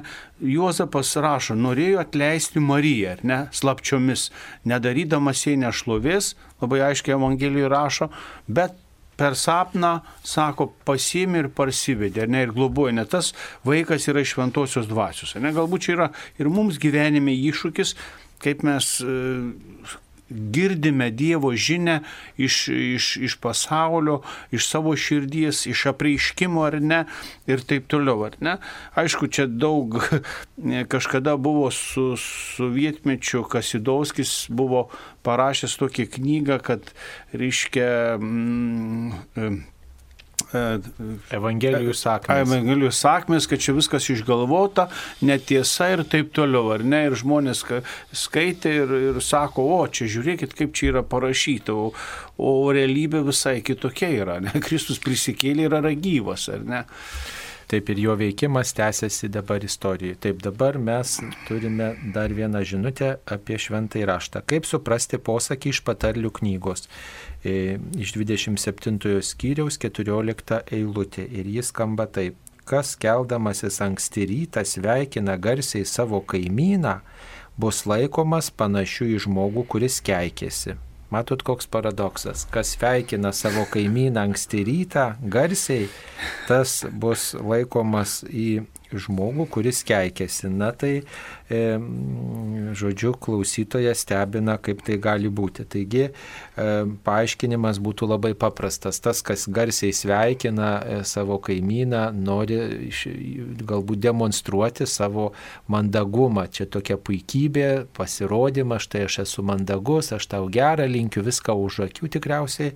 E, tiesiog, na, keikia tą kaimyną arba visiškai kitaip e, na, elgesi. Taigi veidmainystė šventame rašte smerkiama ir šitų sakinių kaip tik tai norima pasakyti, kad nereikėtų būti veidmainiais ir demonstruoti savo, man, jeigu tu mandagus, pasisveikink, bet ten garsiai tą daryti, iššaukiančiai tą daryti, žinot, mes irgi gal kartais susi, susitinkam gyvenime tokių žmonių, kurie labai pabrėžtinai mandagus, pabrėžtinai parodo, kad jie labai kultūringi, bet tai, labai jie. Bet tai gali būti pasityčiojimas net. Tai va, tai taip, ir tai reiškia nuodėmė, ne, ir dėl to taip nereikia toleruoti. Pasisveikink kultūringai, ten neišaukiančiai, va, ir, ir matot, ir mes sus, galim su tokiom situacijom susidurti. Gal čia prie to pačio, kad iš ryto, kai žmogus atsikeldavo tais laikais, tai susimdavo namų ruoša, darbo ir taip toliau, o pagal rytiečių paslą, e, e, kaip Jėzus vienoje vietoje sako, kai eisite, skelbite, sako, nesveikinkite nieko. Jėzus sako vienoje, nesveik, ką tai reiškia, reiškia pagal rytų paprotį, jeigu tu pasveikini kaimyną, kad ir garsiai ir turi dabar kažkiek laiko skirti tam pokalbiui. Negalim taip nueiti, kaip mes kartais. Sveiki, sveiki, viso gero ir einam, ar ne? Čia galbūt toks toks būtų, kaip sakant, tas, kad iš ryto tu turi dirbti šeimą, su šeima būti, pasiruošti, o kai jau vakare, kaip rytiečiai susirenka, tada gali ateiti, pasisveikinti, pasidėti. Galbūt čia, nu, čia daug tų. Be, be, to, be to dar viena mintis, kad pasveikinti reikėtų pirmiausiai viešpatie, ne, o ne, o, o ne. O ne diev, Dievui skirti garbę pirmiausiai, reiškia, ir, ir galbūt ir apie tai pagalvoti, kad pirmos mintis, pirmi žodžiai turi būti didesniai Dievo garbei va skirti. Tačiau aš staptelčiau tie žodžių garsiai, čia man tas įtarimą labai kelia. Taip, taip, tai mums paskambino. Dar kart paskambino Juratė iš Šiaulių. Taip, Juratė. Dar kartą garbėsiu Kristui. Jūs čia bandėt prieš tai e, aiškinti Jozapo ir Marijos, vat man tas klausimas taip pat labai aktualus jau senai. E, kodėl Jozapas norėjo apleisti Mariją, kad nepadaryti jai nešlovės? Tai taip išeina, kad jinai būdama neščia, nais laikais būdavo užmušamos moteris akmenim, jeigu jos e, pastodavo neturėdamos vyro, tai taip išeina, kad Juozapas būtų palikęs, apleidęs ją ir tada jai būtų nepadaryta nešlovė. Va čia va kažkaip tai tos e, logikos nėra, tai va norėčiau, kad paaiškintumėt. Reiškia, jam pasi, per sapną pasirodė angelas, pasakė, tai jisai jos nepaliko. Bet jeigu būtų nepasirodęs, tai reiškia, jisai būtų ją palikęs ir būtų nepadaręs jai nešlovės. Va, va čia va kažkaip, tai galit paaiškinti. Nu, čia, jei nešlovės, tai čia būtų ta prasme, kad, reiškia, jei nešlovės prieš numatot, jie buvo sužadėti Juozapas su Marija ir, ta prasme, e, tikriausiai nenorėjo daryti nešlovės prieš patį Juozapą. Sako, aš atleisiu, aš ten nieko nežinau, jis nenorėjo ten kelti kažkokių didelių bangų prieš Mariją, jinai jau e, buvo neščernė, o ta prasme, kad, nu, Juozapo akise tarsi buvo, Juozapas tai žinojo, kas čia vyksta ar ne. Nu ir iš tikrųjų pagal mane, kiek aš suvokiu, kad ta nešlovė yra Juozapo atžvilgių padaryta, ar ne? Jis neturėjo vyro, nieko ir staiga neščia yra. Ir tada angelas viską išaiškino, ar ne? Aš galvoju, kad, kad taip interpretuočiau, nesu biblistas, čia galbūt dar kažkokių kitų Matot, dalyko. pagal Senojo testamento papručius sužadėtuvės buvo lygios teisiniai santokai. Va, ir per santoką, per tas vestuves, per tą šventę jau žmona e, būdavo tik parvedama į vyro namus ir vyras turėjo teisę atleisti parvestą ar neparvestą žmoną, duodamas jai skirybų raštą ir taip santoka galėdavo būti anuliuojama. Ir mm, Juozapas šiuo atveju būtų turėjęs duoti jai formalų skirybų dokumentą. Tai tylomis ją atleisti, tai tas reiškia, kad jie, Juozapas nenorėjo to matyti garsinti kažkaip ir duoti tą dokumentą, žodžiu, irgi tikriausiai svarstė žmo, iš žmogiško tokio silpnumo, kad štai moteris laukėsi, kurią jisai turėjo parsivesti, o, o, o, o dabar va tokia situacija, kad negali parsivesti, nes na, kaip čia bus. Tai žinoma, kad Juozapas svarstė ir jis buvo žmogus savo širdį ir mm, tas skirybų dokumentas reikštų, kad na, jis neturi jokių pretenzijų šitą sužadėtinę, į savo sužadėtinę. Ne, ir, ir mm, tiesiog na, būtų gelbėjęs ir, ir, ir savo reputaciją, ir, ir kartu Marijos reputaciją, galbūt tokiu būdu. Bet čia įsiterpia viešpats, ne, kuris na, leidžia suprasti, kad viskas bus gerai, šitas žmogus turi ypatingą misiją. Tas asmo, kurio laukėsi Marija. Tai matot, Dievas dalyvauja žmogaus gyvenimo istorijoje ir netgi e, kai mes svarsto, mes mūsų planai, skaičiavimai, rūpinti savo reputaciją, rūpintis vien savimi, gal ar apie kitą galvoti, ar žiūrėti savanaudiškai kažkaip, tai Dievas vis dėlto įsiterpęs jam vienam žinomu būdu tam, kad na, būtų įgyvendintas Dievo planas. Taip galėtume atsakyti. Tai vienu žodžiu, Dievas padeda žmogui, padeda žmogui neusidaryti savo tik tai savo mintise, savo svarstymuose, kurio, kurie kartais gali nuvesti ir į klyskelius. Dievas dalyvauja žmogaus gyvenimo istorijoje ir aišku, e, mes nežinom, kaip būtų tada pasibaigę, jeigu būtų išduotas skirybų raštas ir Marija būtų viena auginusi vaikelį, štai nuo Juozapo būtų jinai, taip sakant, atleista. Tai mes galim tik tai komentuoti tas, kas yra. Reiškia, Juozapas vis dėlto atsisakė savo šito plano, nedavė nei skirybų rašto, nei atleido Marijos, bet parsivedė ją pas save. Tai reiškia, kad jis klauso Dievo plano. Tai yra svarbiausia. Ir jis nepasidavė savo abejoniai, savo, savo tokiam, na, nu, gal svarstymui, kaip čia bus, svarstymui apie save, svarstymą apie savo gerą vardą, apie, apie šitą situaciją, apie Marijos gerą vardą svarstymam nepasidavė, bet jis įsiklausė į viešpaties veikimą, į viešpaties vedimą. Mums turbūt šita žinia tokia yra, kad Juozapas klauso viešpaties ir net ir rizikuodamas galbūt savo vardu parsivedė tą moterį, kuri jau laukėsi ir štai augino tą vaikelį kaip savo vaikelį. Jis yra e, teisinė prasme e, Jėzaus ne tik globėjas, bet ir tas tėvas teisinė prasme. Ne? Bet, bet reiškia, žinom, kad e,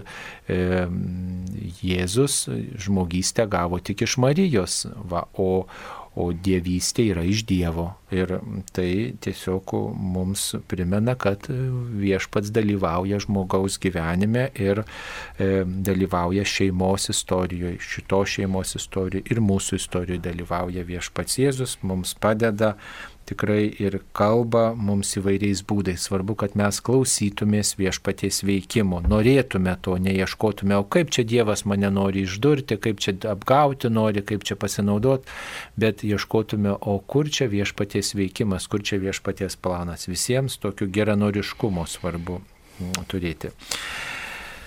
Taip, dabar dar čia klausimas, ar galima Senojo testamento skaitimas. Taip, galimas ir tikrai svarbu skaityti Senąjį testamentą, tik tai turbūt reiktų skaityti ir ieškoti ten žinios sąsajų su naujuoju testamentu, kuris geriausiai paaiškina ir padeda suprasti. E, padeda geriau suprasti ir Senąjį testamentą, ir Jėzų, kuris kuris yra išpranašautas dar Senajam testamente. O beje, dar vienas klausimas yra e, apie mm, žydus. Ką atsakyti žydui, kuris sako, kad viena iš priežasčių, kodėl žydai nepripažįsta Jėzaus mesijo, yra ta, kad Senojo testamente to pranašystėse niekur nerašoma, jog Jėzus bus ir Dievas, ir žmogus. Žydai sako, kad dviguba mesijo prigimtis perimta iš pagonių mitologijos. Tai e, galim pasakyti, kad vis dėlto e, aišku, tas tautų mąstymas neišvengiamai veikia ir tuos žmonės, kurie rašė šventą įraštą. Ir e, aišku, kad daug visokių yra iš e, to laikotarpio ir vaizdinių, ir mitų, iš tų ir tokių savokų perimta. Ir žinoma, kad nėra izoliuoti Naujojo testamento ir Senojo testamento autoriai nuo savo laikmečio, nuo tų mąstymo kategorijų, nuo savo kultūros ir panašiai. Tačiau vis dėlto e, kad Mesijas, Jėzus Kristus, Dievas ir žmogus buvo, mes tą matom iš Naujojo testamento, iš jo veikimo, o Senajam testamente mes atpažįstam tokių mm, dalykų, taip pat e, nėra taip tiesiai šviesiai pasakyta, bet yra ženklų, kurie kalba apie ypatingą asmenį, apie ypatingą asmenį. Štai pavyzdžiui, pranašystėse, e, Senojo testamento pranašų raštėjo, pavyzdžiui, Izaijo knygoje. Reiškia, pats viešpats jums duo ženklą, štai mergelė e, bus neščia ir pagimdys sūnų ir jis vadinsis Emanuelis. O Va, Emanuelis, Dievas su mumis. Iškia, mergelė pagimdys sūnų. Ir čia krikščionybė e, atpažįsta, Kristaus sėkėjai atpažįsta vat, pranašystę apie Jėzų Izaijo knygoje. Arba, pavyzdžiui, kitoj vietoje e, ištraukoje, kuris skaitoma Kalėdų naktį.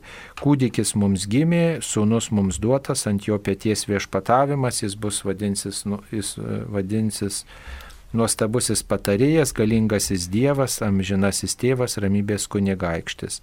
E, Ir kitose pranašystėse yra rašoma apie Betlėjų. Ir tu, Betlėjų, nors esi mažas tarp judo miestų, tačiau iš tavęs gims tas, kuris bus valdovas ir jo kilmė siekia ten pradžios laikus ir amžinybę. Tai štai tokios užuominos yra apie tai, kad tas asmuo bus ypatingas, kuris gims. Jis ne tik bus žmogus, bet jis turės ypatingą galę.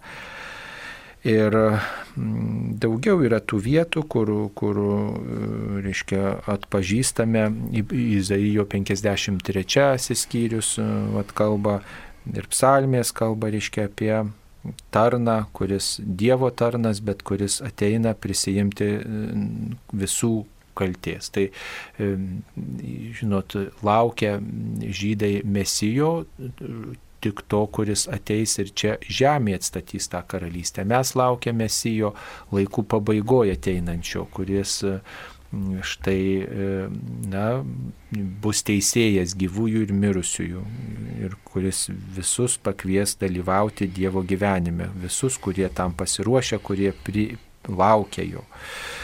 Tai galim sakyti, kad yra tų pranašyščių, tik tai reikia skaityti e, tokiu kompleksiniu žvilgsniu ir, ir sieti šventojo rašto visumą, ne, ne, negilintis tik tai į konkretų laikotarpį, į, į konkrečius žodžius ir, pa, ir pažodžiui, bet taip plačiau, kompleksiškai skaityti.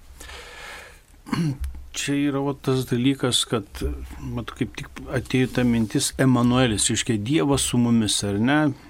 Žydai, matot, aš galvoju, kad čia buvo dar interpretacijų tos truškimas, ar ne, jis ateis kažkoks vadovas, valdovas, kuris būtent atstatys Izraelį ir žydai mąstė galbūt pagal savo mentalitetą taip konkrečiai aiškiai, kad čia bus žemiška gerovė. Ne?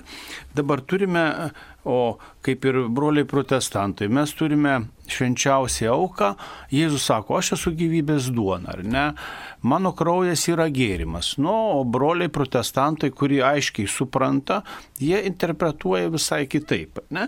O tas pats ir, ir, ir su tais, o tai amžinasis Dievas, Emanuelis, ar ne?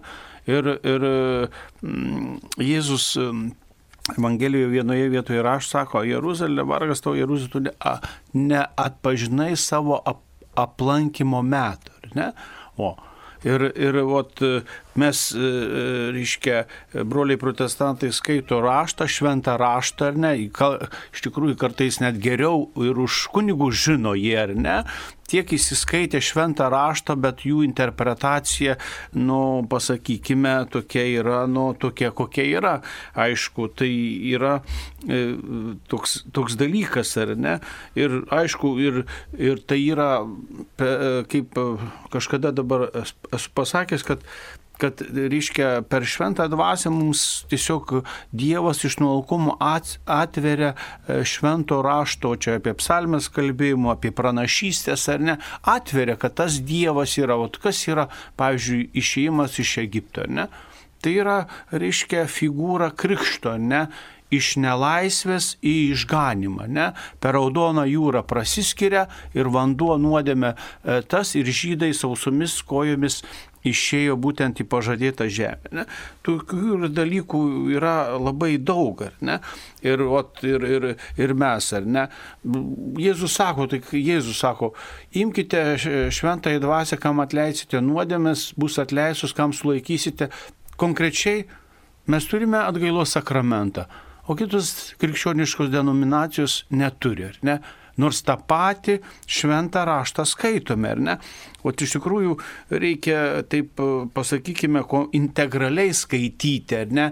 Ten vieną kartais vat, mėgsta ne, kažkas vieną. E, vieną sakinį išplėšia iš konteksto ir visur vartoja, ar ne? O kad tuos sakinius sudėti, kaip e, vaikai mėgsta daryti puzlę, ne?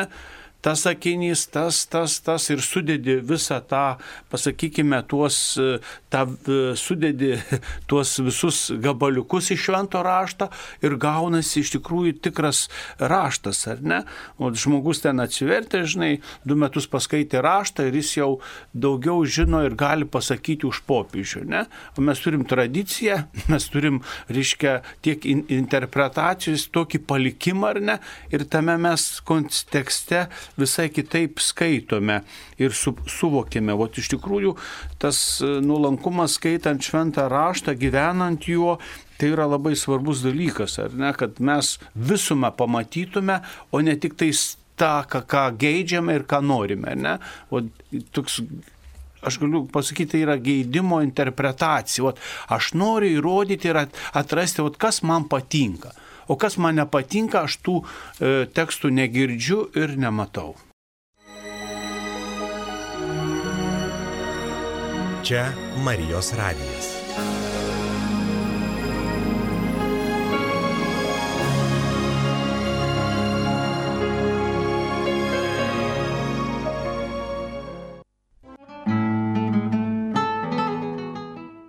Mėly Marijos radio klausytojai ir aukotojai, mūsų savanoriai atnaujina aukų rinkimą įvairiose bažnyčiose. Savanoriai laikysis visų numatytų saugumo priemonių. Tad kviečiame susitikti šį sekmadienį, gegužės 24 dieną, Gargždų Šventojo Arkangelo Mykolo bažnyčioje. Dėkojame už jūsų aukas ir melžiamės už juos.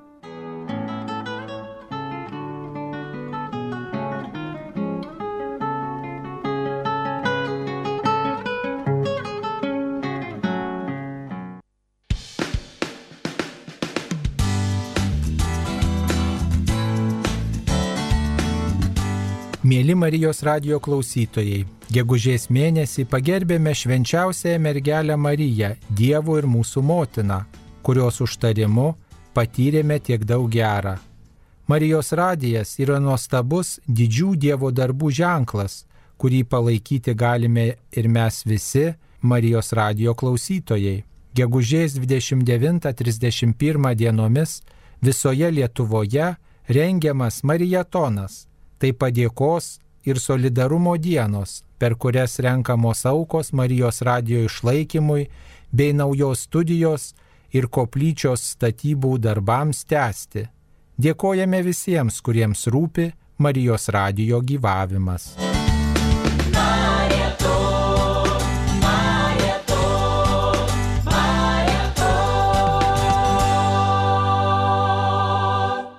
Mėly Marijos radio klausytojai, tęsėme laidą Klaus drąsiai. Šioje laidoje dalyvauja kunigas Kapucinas, Kapucinų ordino vienuolis Vincentas Tamošauskas, kuris dabar darbuojasi Jurbarko rajone Paulių kaime. Ten turi asmenų bendruomenę palydį ir, ir padeda jiems grįžti į, į gyvenimą, pilnavertį gyvenimą, kelia žmonės. Taip, mes turim, kaip Saulis kunigas sakė, palydim žmonės, iš tikrųjų džiaugiamės, kad galim patarnauti ir parapijose, iš tikrųjų tų žmonių kaip keista, nors kaip būtų, atrodo įsivystė, bet vis daugėja. Tęsėme atsakymus į jūsų klausimus, mes atsakinėjom jums ir Štai viena žinutė yra apie dvasios vadovą. Kur gauti dvasios vadovą, kunigų tiek nėra, kiek pageidaujančio ir draugas gali būti dvasios vadovu. Taip, draugas gali būti dvasios vadovu, jei galite ją, juo pasitikėti, atsiverti savo krikščioniško kelio vingiais pasidalinti su savo draugu. Gali būti ir vienuolis, vienuolė ir taip pat gali būti pasaulietis, tikintis, turintis krikščioniško gyvenimo patirtį, besimeldžiantis daugiau žmogus ir galintis pateikti įžvalgų.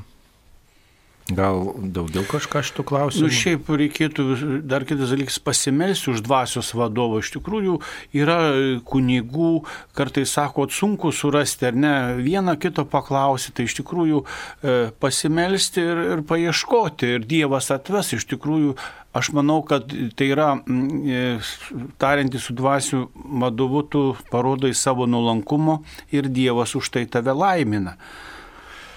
Taip. Toliau bandom atsakyti į atsiųstas žinutės. E, po mamos mirties sustrigau jau septintus metus, e, lieku gedėjime, esu vienišas, tas, tad pasinaudoti aplinkos pagalba nėra sąlygų. Teko girdėti, kad iš psichologo, e, kad kai kurie žmonės po artimojo e, mirties užsidaro savy ir prisitaiko tokiai būsenai. Ar prasminga, ar naudinga tai gyvam ir mirusiam? Tai aišku, mes nežinome viešpaties kelių, viešpaties plano ar ne. Gal buvo per didelis prisirišimas, gal per didelis sugyvenimas buvo su tuo žmogumi.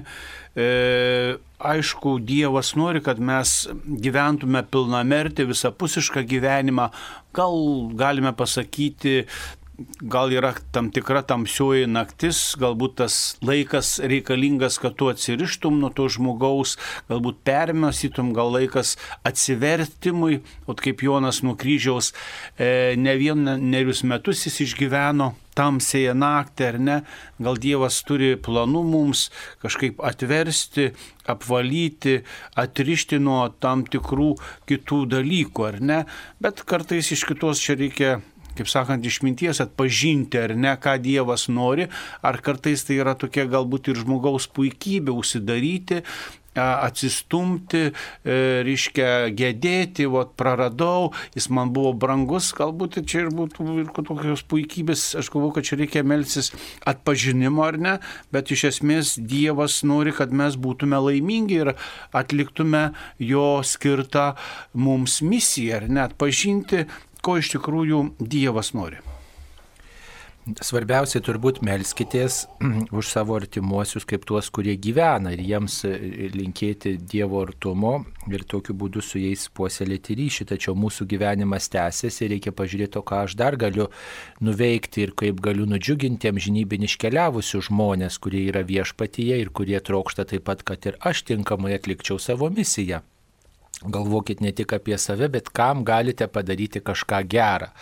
Ehm, galbūt kitą vyresnį žmogų aplankyti, gal paskambinti, mm, gal kažkokį darbelį padaryti mažą kitų žmonių labui. Reikia ne tik galvoti apie save, kaip man yra blogai, bet kam galiu dar padaryti gerą, nors truputėlį. Dar apie mirusius Štai ar galima bendrystė su mirusiais ir jų sielomis, ar tai okultizmas.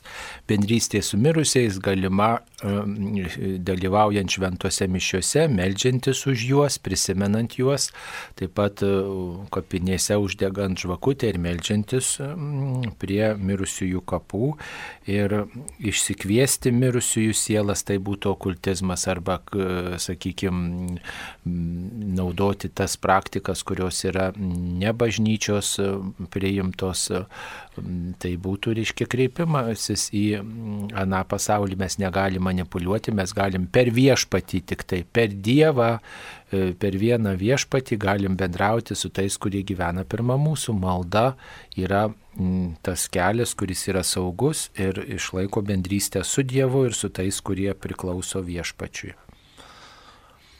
Nu, ten nereikėtų ten į tą mirusiųjų pasaulį ten per daug lysti, nes čia neseniai straipsnį skaičiau, o ten apie mirusiuosius, apie tuos mediumus ir kaip padėti mirusiesiems. Tai iš tikrųjų yra pavojingas dalykas, o kaip kunigas Saulis, dėkoti, kad jie buvo, e, dėkoti už, už gyvybės dovaną, kad jie šalia buvo, kažką galbūt mums ypatingo padarė, šlovinti, melstis, melstis ir dar kartą melstis Ir pridursiu, čia daug kartais išgydymo pamalduose genealoginis medis, kaip čia išgydyti, kaip čia už tą šaknį, kaip, kaip ten yra. Ne? Paprasčiausiai nuolanki malda ir viešpats padarys taip, kaip turi būti.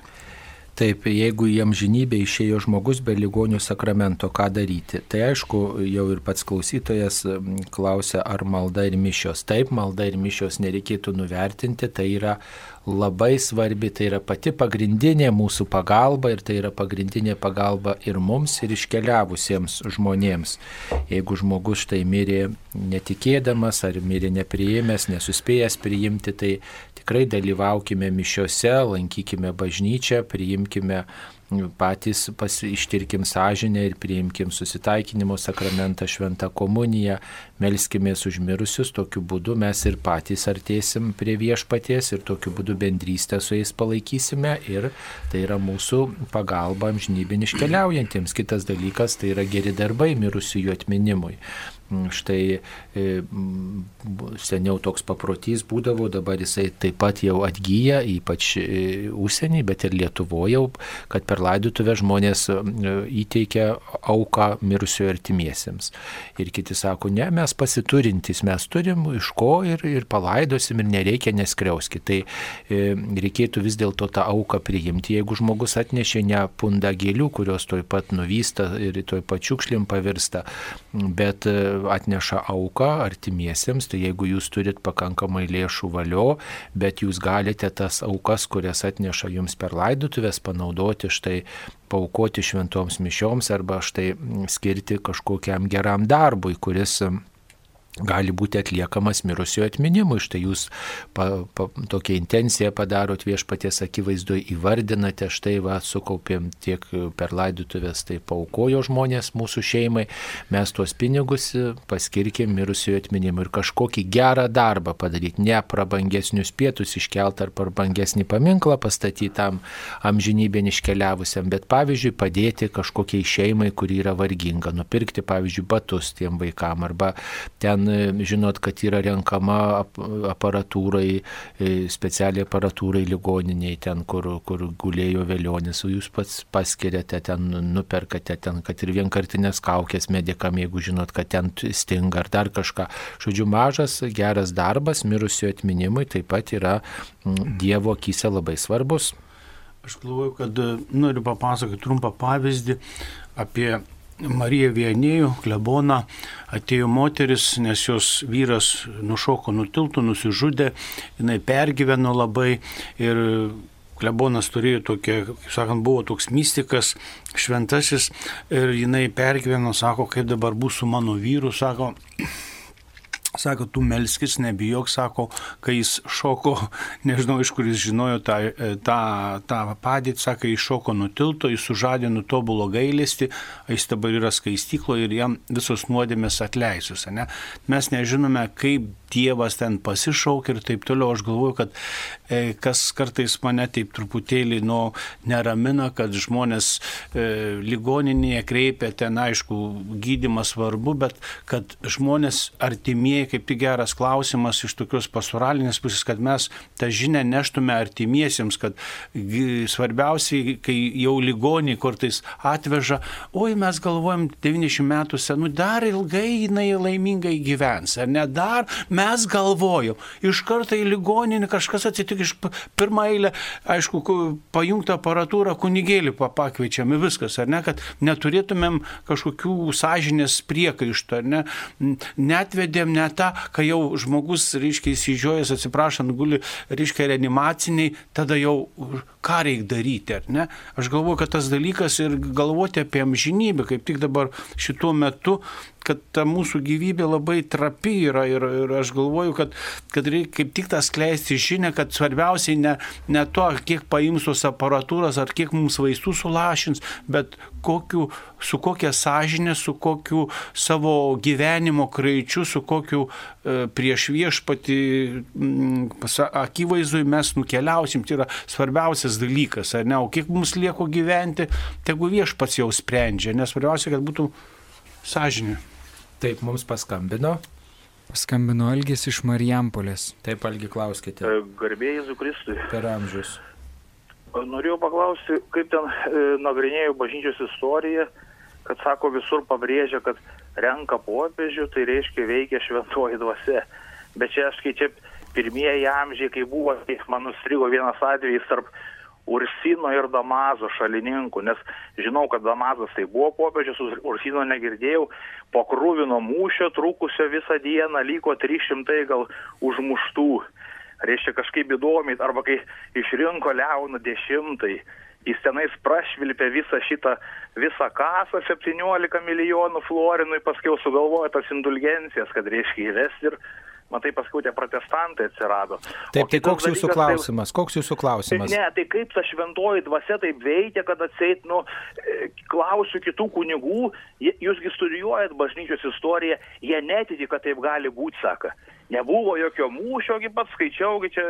Taip, kaip veikia šventoji dvasia renkant popiežių, toks jūsų Taip, klausimas. O Gerai. dar norėjau kitą klausimą paklausti, kitą kažkaip įdomi, reiškia, dabar kai Marija neturi tos prigimtinės nuodėmės, tai aš taip suprantu, kad reiškia, e, jeigu dabar jinai e, turi tą vaisių, jeigu jin turėtų prigimtinę nuodėmę, tai jau tas vaisius kaip per iščias lys lauk, jisai reiškia, ta nuodėmė jį apterš ir jis nebeteks tų, reiškia, Nu čia truputį jau čia yra jūsų interpretacija, tai mes paaiškinsim, ką reiškia neturėti gimtosios nuodėmės. Taip, tai e, nuo, kaip sakyt, nuo pradžių pradėkime. Ačiū Jums už klausimus.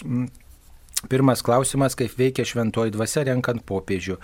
Nu, matot, kaip veikia Dievas, e, Dievo mintis, Dievo veikimo, mm, veikimo keliai yra ne mūsų keliai. Dievas, e, jisai pa, parenka tą žmogų, kuris mm, tuo metu nu, ir turėtų būti toj vietoj. Taip mes tikime, kad nėra atsitiktinių dalykų, nėra bereikšmių dalykų ir kad popiežiai dabar, pavyzdžiui, yra vienas popiežius, buvo anksčiau kitas, dar anksčiau dar kitas buvo, tai, e, tai yra Dievo veikimo ženklas, nes susirinkę kardinolai, jie meldžiasi, meldžiasi ilgai, aukoja šventasias mišes, jie turi tą intenciją savo širdį, sužadina troškimą tokį, jie, jie, jie, jie ir, ir patys svarsto, ko- koks dabar laikas, kokios to popiežiaus gal reikėtų, ir, ir kalbasi, ir meldžiasi, ir, ir meldžiasi visa bažnyčia tuo metu, ir, ir tikime, kad jeigu išrinktas vienas ar kitas ganytojas, kad tai yra tam tikro Dievo veikimo ženklas, nes mes esame maldo žmonės, mes sekame Kristumi ir,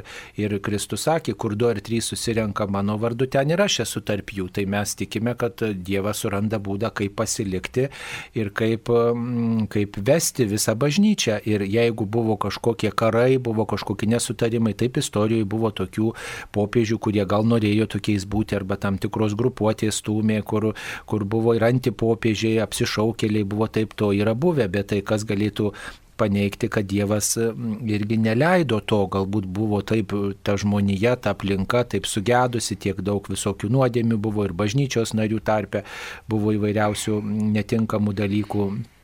Galbūt tokiu būdu parodė, reiškia tą, kur nuveda jūsų, jūsų vat, egoizmas, kur nuveda jūsų savanaudiškumas ir, ir leido būti į tokiem popiežiam, kurie nebuvo šventi, kurie buvo prastos moralės arba e, tiem apsišaukėliams leido išeiti į priekį, bet paskui mm, per atgailą, per svarstymą žmonės pagalvojo, kad štai, na, čia netinkamas kelias ir ieškokim būdo, kaip, kaip išrinkti teisėtą popiežių ir, ir vėl žmo, rinkosi kardinolai rinkosi tie žmonės, kurie turėjo tuo metu tą teisę rinkti popiežių ir, ir meldėsi ir prašė ir išrinko švent, e, tą teisėtą popiežių irgi tikime šventosios dvasios veikimo dėka.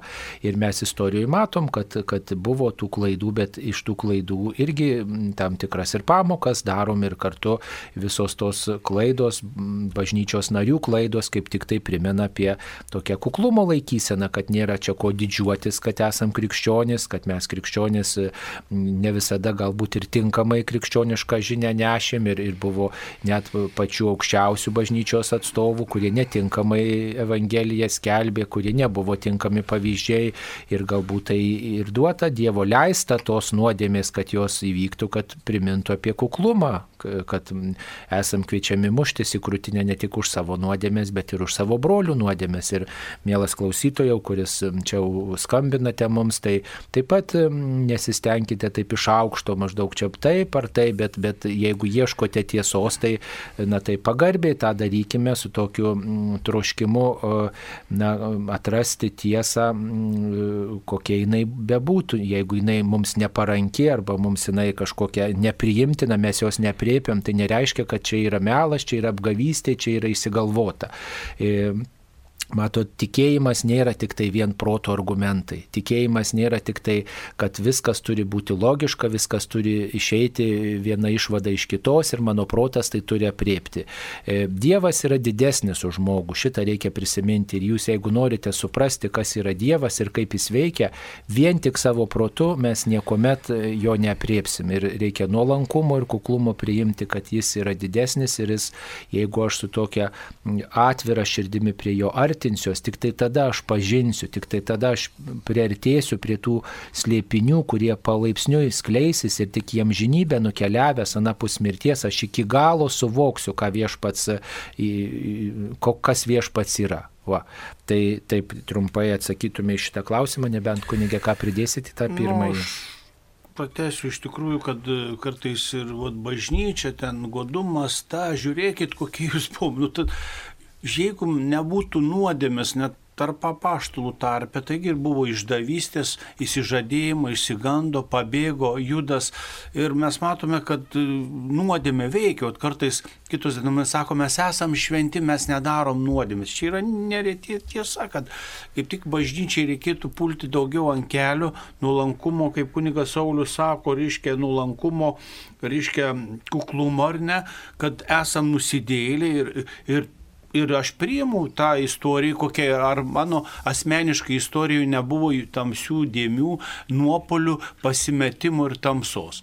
Kaip tik, kaip tik per tuos dalykus parodo Dievo galybę, Dievo jėgo, net jeigu ir tas popiežius kažkaip ten kažkaip pasiklydo ar ne, ar galva, ar valdžia susuko galvą, visko pasitaiko ar ne, bet mes matome, o pavyzdžiui, Šventas Pranciškus, vargšelis, ubagėlis, kaip jis atstatė bažnyčią, ne, ir popiežius net pasitikėjo, matė sapną, kad griuvo Petra bazilika ar ne, Laterano, ir tas vargšas palaiko, reiškia.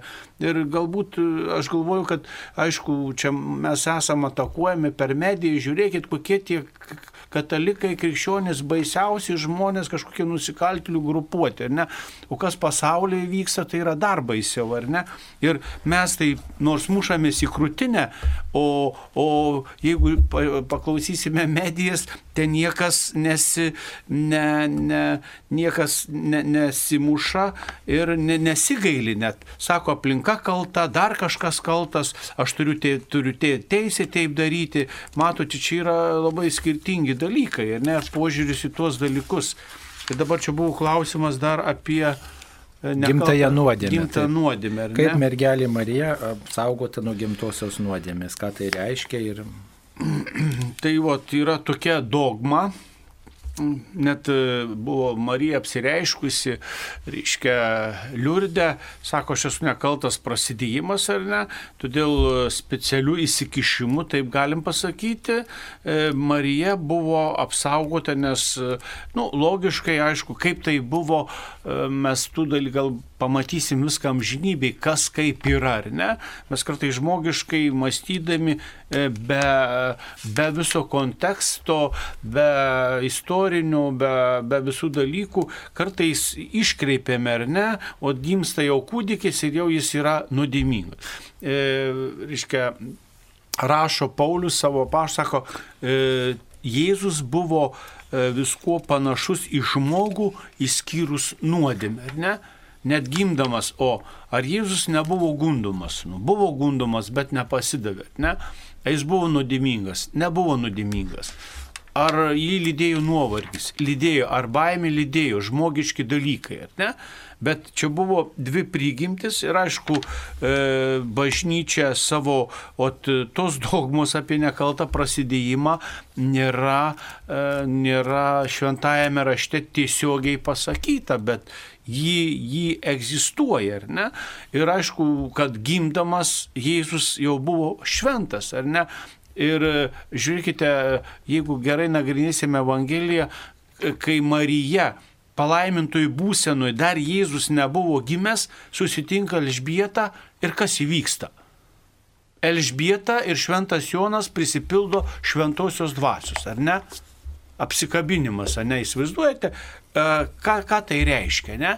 Kad reiškia, Jėzus, per, tai yra šventoji dvasia nužengdama į Marijos iššias, ar ne, reiškia, padarė, reiškia, pašventino pačią Mariją, ar ne, nes Jėzus negalėjo gimti nuodimingame kūne, Taip, tai tas gimtosios nuodėmės, e, tas, tas, ta, ta žinia, tai reiškia, kad e, pirmieji žmonės nepakluso Dievo planui ir norėjo gyventi patys be Dievo, reiškia, arba veikti taip, kaip jiems patinka. Tai yra neklusnumo nuodėmė, puikybės nuodėmė. Ir mergelė Marija dėl e, Jėzaus Kristaus, Dievo sūnaus, atlikto darbo, visiško klusnumo tėvui, dėl to užmojo visiškai tėvui paklusti, jie buvo apsaugota nuo šitos nuodėmės pasiekmių, nuo to uh, paveldėjimo šitos nuodėmės, kad mes su žmogystė šitą nuodėmę paveldime. Gimdami su žmogystė paveldime tą neklusnumą, norą maištauti, sukilti prieš Dievą, norą uh, atmesti jį, norą gyventi uh, taip, kaip mums atrodo, ne kaip Dievas moko, tą, tą tokį polinkį, kurį pirmieji žmonės pasirinko, mes visi paveldime ir Jėzus šitai atleidžia savo mirtim ir prisikėlimu. Ir E, Marija dėl Jėzaus Kristaus visiško klusnumo tėvui, ji buvo apsaugota nuo šito polinkio. Va, tai, tai ir reiškia e, gimtosios nuodėmės doktrina, tai, kad mergelė Marija yra apsaugota nuo gimtosios nuodėmės. Taip mums paskambino. Paskambino Stanislavas iš Prienų. Taip, Stanislavai, klauskite. Stanislavai, jūs eterį klauskite. Garbė Jėžiai Kristui. Per amžius. Klauskite.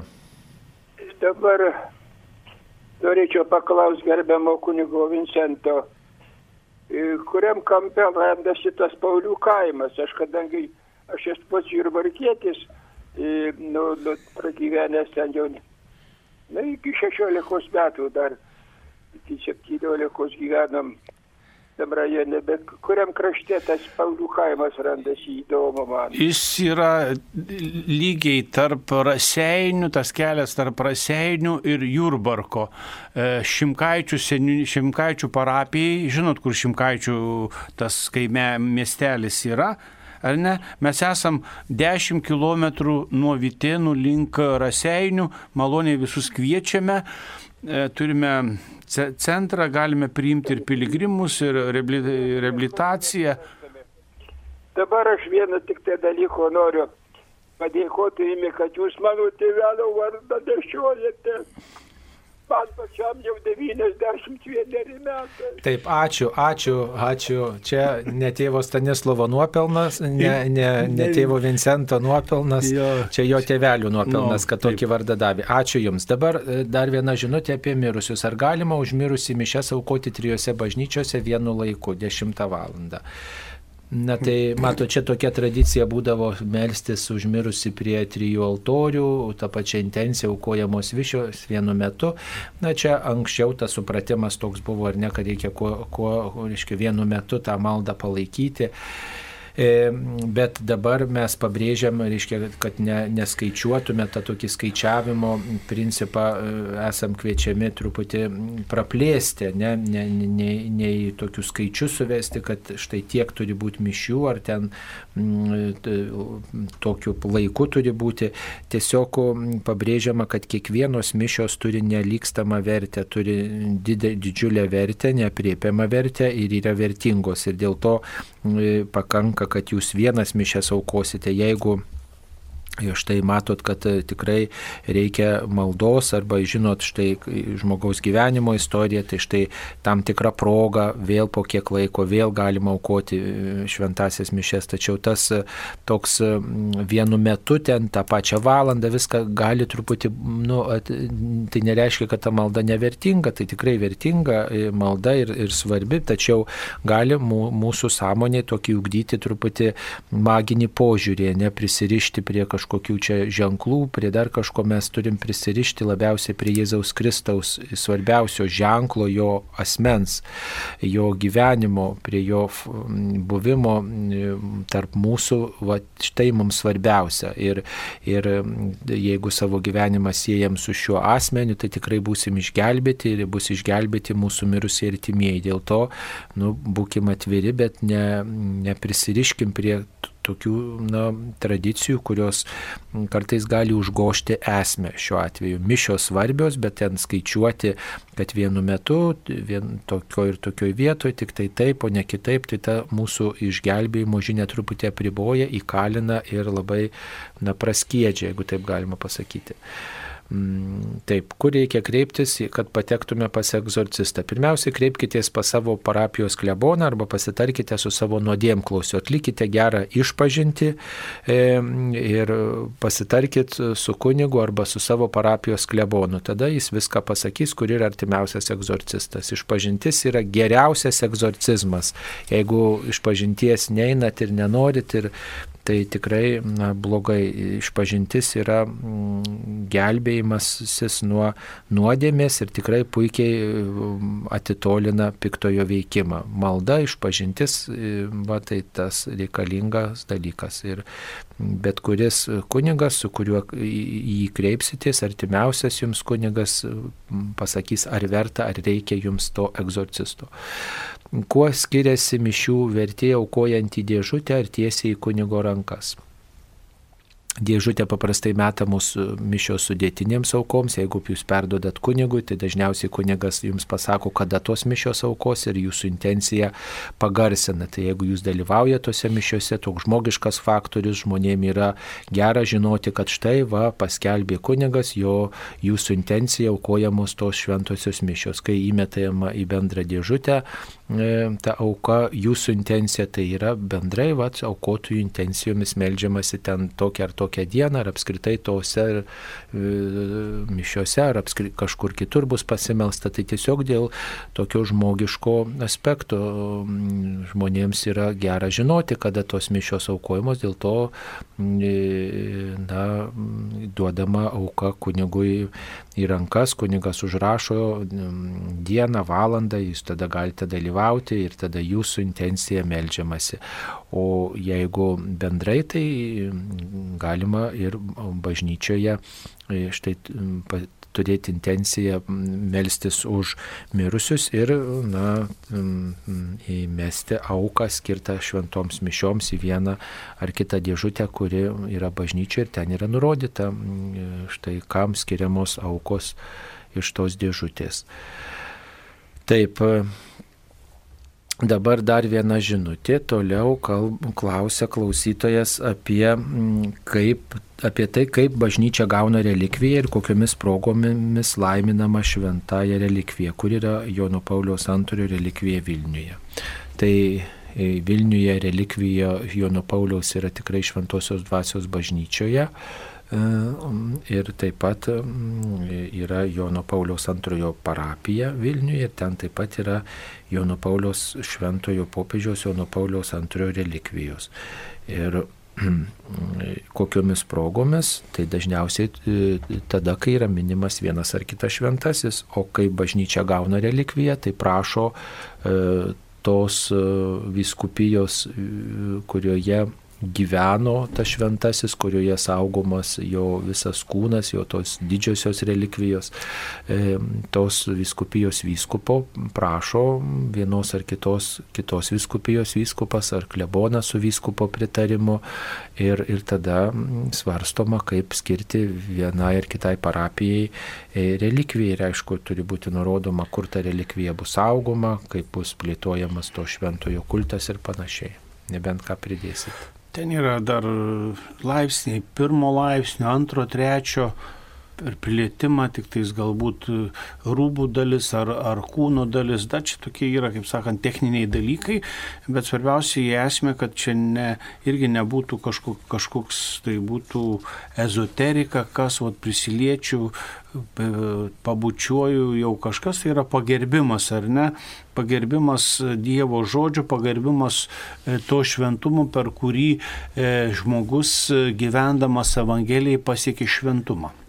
Taip, kodėl svarbi naktinė adoracija, juk naktis skirta poilsiui, kad pasirenktume dienos darbams, ar nenorime e, gal geriau elgtis pagal natūralų Dievo duotą paros ritmą. Va. Toks klausimas apie naktinę adoraciją, kuri dažnai organizuojama. Nu, tai galiu pasakyti, kad pas kapucinus net viduramžiais, aš galvoju, kad tai buvo išmintingi žmonės ir vidurnaktį keldavos, pavyzdžiui, kartūzai dabar žinau, kad kartais net vidurnaktį kelias, net ir ketvirtą valandą ir yra ritmas maldos ir taip toliau. Aišku, naktis yra, bet naktį yra didžiausias demonų siautimas ir veikimas, ar ne? Kaip tėvas Stanislavas irgi melsdavosi, aš galvoju, kad tai yra toks bažnyčios būdėjimas, ar ne? Tai yra Dievo charizma, Dievo dovana. Kartais e, būdavo priekaištų, kam jūs čia su kryžiumi lakstote per Lietuvą, čia nešate kryžių, nešate švenčiausią, ai čia padaruokim. Nu, matot, kiekvienas turi savo charizmą. Vienas lanko ligonius, kitas atlieka gerus darbus, kitas turi maldos. Tai yra e, bažnyčios būdėjimas ir užtarimas, ar ne? Ir aišku, čia yra nu, ir nuolankumas prieš viešpatį, ar ne? Aišku, ir bet kokiu paros ar ryte, ar, ar, ar vakare, o tai yra natūralus dalykas, sekmadienį lisėti ir ateiti į bažnyčią. Bet šiaip procentaliai labai mažai šito ritmo laikosi, ar ne? Nu, čia yra toks dalykas, aš galvoju, kad tai yra e, kaip tik išraiška, e, išraiška to mūsų pamaldumo, meilės Dievui ir taip toliau, ar ne? Kartais mes išvaistume laiką e, duotą o, na, natūralių ritmų dienos metu praleidžiamo. Žmonės praleidžia kartais televi, tele, televi, prie televizijos, prie interneto iki 3-4 valandų ryto ir čia viskas yra tvarkoje ne? O maldai mes negalim, kaip sakant, papasininkauti ir atsiduoti kažkiek maldai. Taip, tai yra tam tikra pasninko forma, aš galėčiau ilsėtis, bet aš skiriu tą laiką Dievo garbė, aš save truputį apiplėšiu dėl Dievo. Ir kitas dalykas, aš melžiuosi tada, kai kiti ilsisi, aš juos užtariu. Ir mm, taip pat tai yra na, įgyvendinima žodžių, kuriuos šventajame rašte randame, be paliovos melskitės ir būdėkite, be paliovos. Tai štai dieną melžiasi vieni, naktį štai vat, žmonės būdi tokiu būdu, naktinės adoracijos organizuojamos dažnai prieš vienokią ar kitokią šventę, iškilmę, prieš vienokį ar kitokį įvykį, kaip tokia malda, nutestinė, nesiliaujanti malda, štai dieną meldėsi vieni žmonės, o štai prieš tą iškilmę šlovina viešpati kiti, būdi, laukia, ilgisi Dievo, tai nėra jokio, kaip sakant, privalomumų, jeigu žmogui tai nėra priimtina, jisai ilsisi lieka namie, o štai kiti mato prasme ir tokia labai graži prasme yra būdėjimas, laukimas laukimas, solidarumas su tais, kurie ilsisi, su tais, kurie sunkiai dirbo per dieną. Štai žmogus būdi prie viešpaties, laukia, meldžiasi ir, ir ilgisi, tą tokį Dievo ilgesį išgyvena. Tai, na, kviečiame tikrai atrasti, jeigu ne, ne visą naktį, tai čia yra charizma, čia yra dovana, kas ką dirba bažnyčioje. Ne? E, tai e, Taip, dabar dar viena žinutė yra e, apie salvę reginą maldą.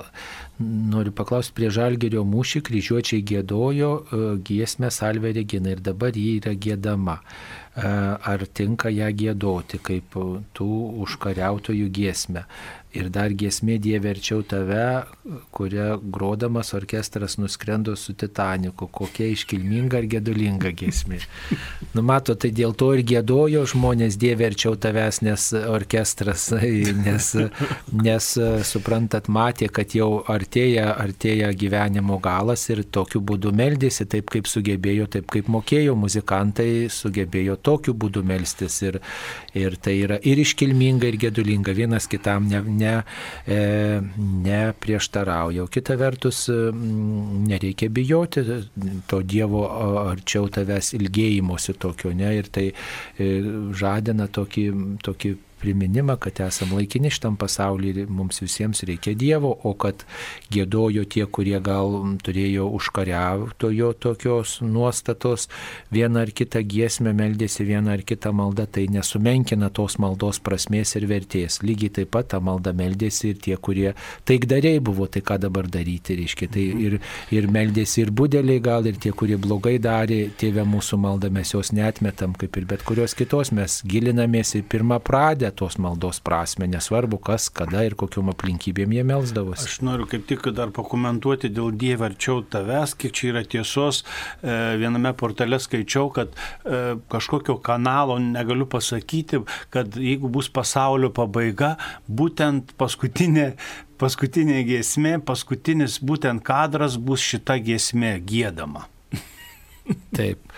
E, ar galima užmirusius saukai mesti ir vardų raštelį? Na, jeigu norite vardus, e, kad vardai būtų perskaityti, patarčitume paduoti kunigui. Tikrai tada būtų geriau arba paskambinti, susitarti su kunigu ir tada perduoti mirusiųjų vardus. Na ir dar e, viena žinutė, ką daryti, jei dalis artimųjų nenori giesmių prie mirusios vėlionės. Štai artimieji susipyko prie vėlionės. Tai yra tylos malda, asmeninė, privati.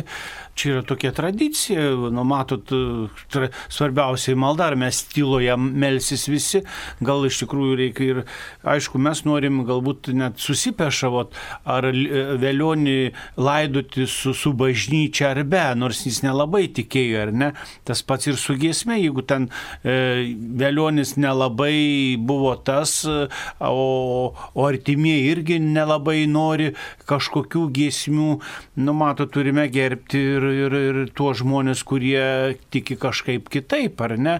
Aš galvoju, kad čia, ne, čia nėra esmė, jeigu, pavyzdžiui, buvo tokių atvejų, kad žmogus, reiškia, ta šeima iš viso nenori su bažnyčia, bet atsirado tokių žmonių, kurie kitoje bažnyčioje užsakė mišes už vėlionį, pasimeldė, kryžiaus kelius apėjo atskirai ar ne ir po to, kaip sakant, palaidojo garbingai. Mes turime atsižvelgti ir kitą pusę, mes ne, neturime prim, primetinėti, ar ne.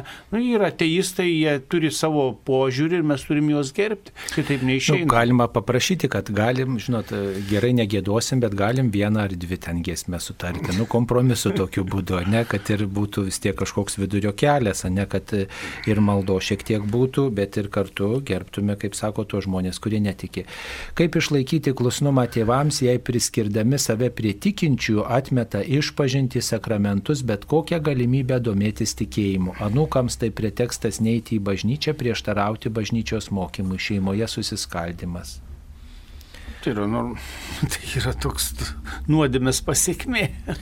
Ką mes galim padaryti? Nu, išlaikyti klusnumą. Tai išlaikyti e, klusnumą Telefon. reikia geruose dalykuose turbūt. Um, ir, ir nu, čia yra, žinot, sunkus kelias. Nėra vienareikšmiško atsakymo, trumpai neatsakysime. Tiesiog... Jūs esate suaugę, esate jau daugiau negu 18 metų, jūs turite E, atsakomybę priimti už savo išganimą, jūs turite savo galvą, turite spręsti, kas geriausiai iš tikrųjų tiktų. Ne? Jeigu tė, tėvas ar mama, pavyzdžiui, ten kokia patologinė šeima e, nukreipia vaiką daryti nuodėmę, blogį ar nusikaltimą, ar jis tas vaikas turi tai daryti?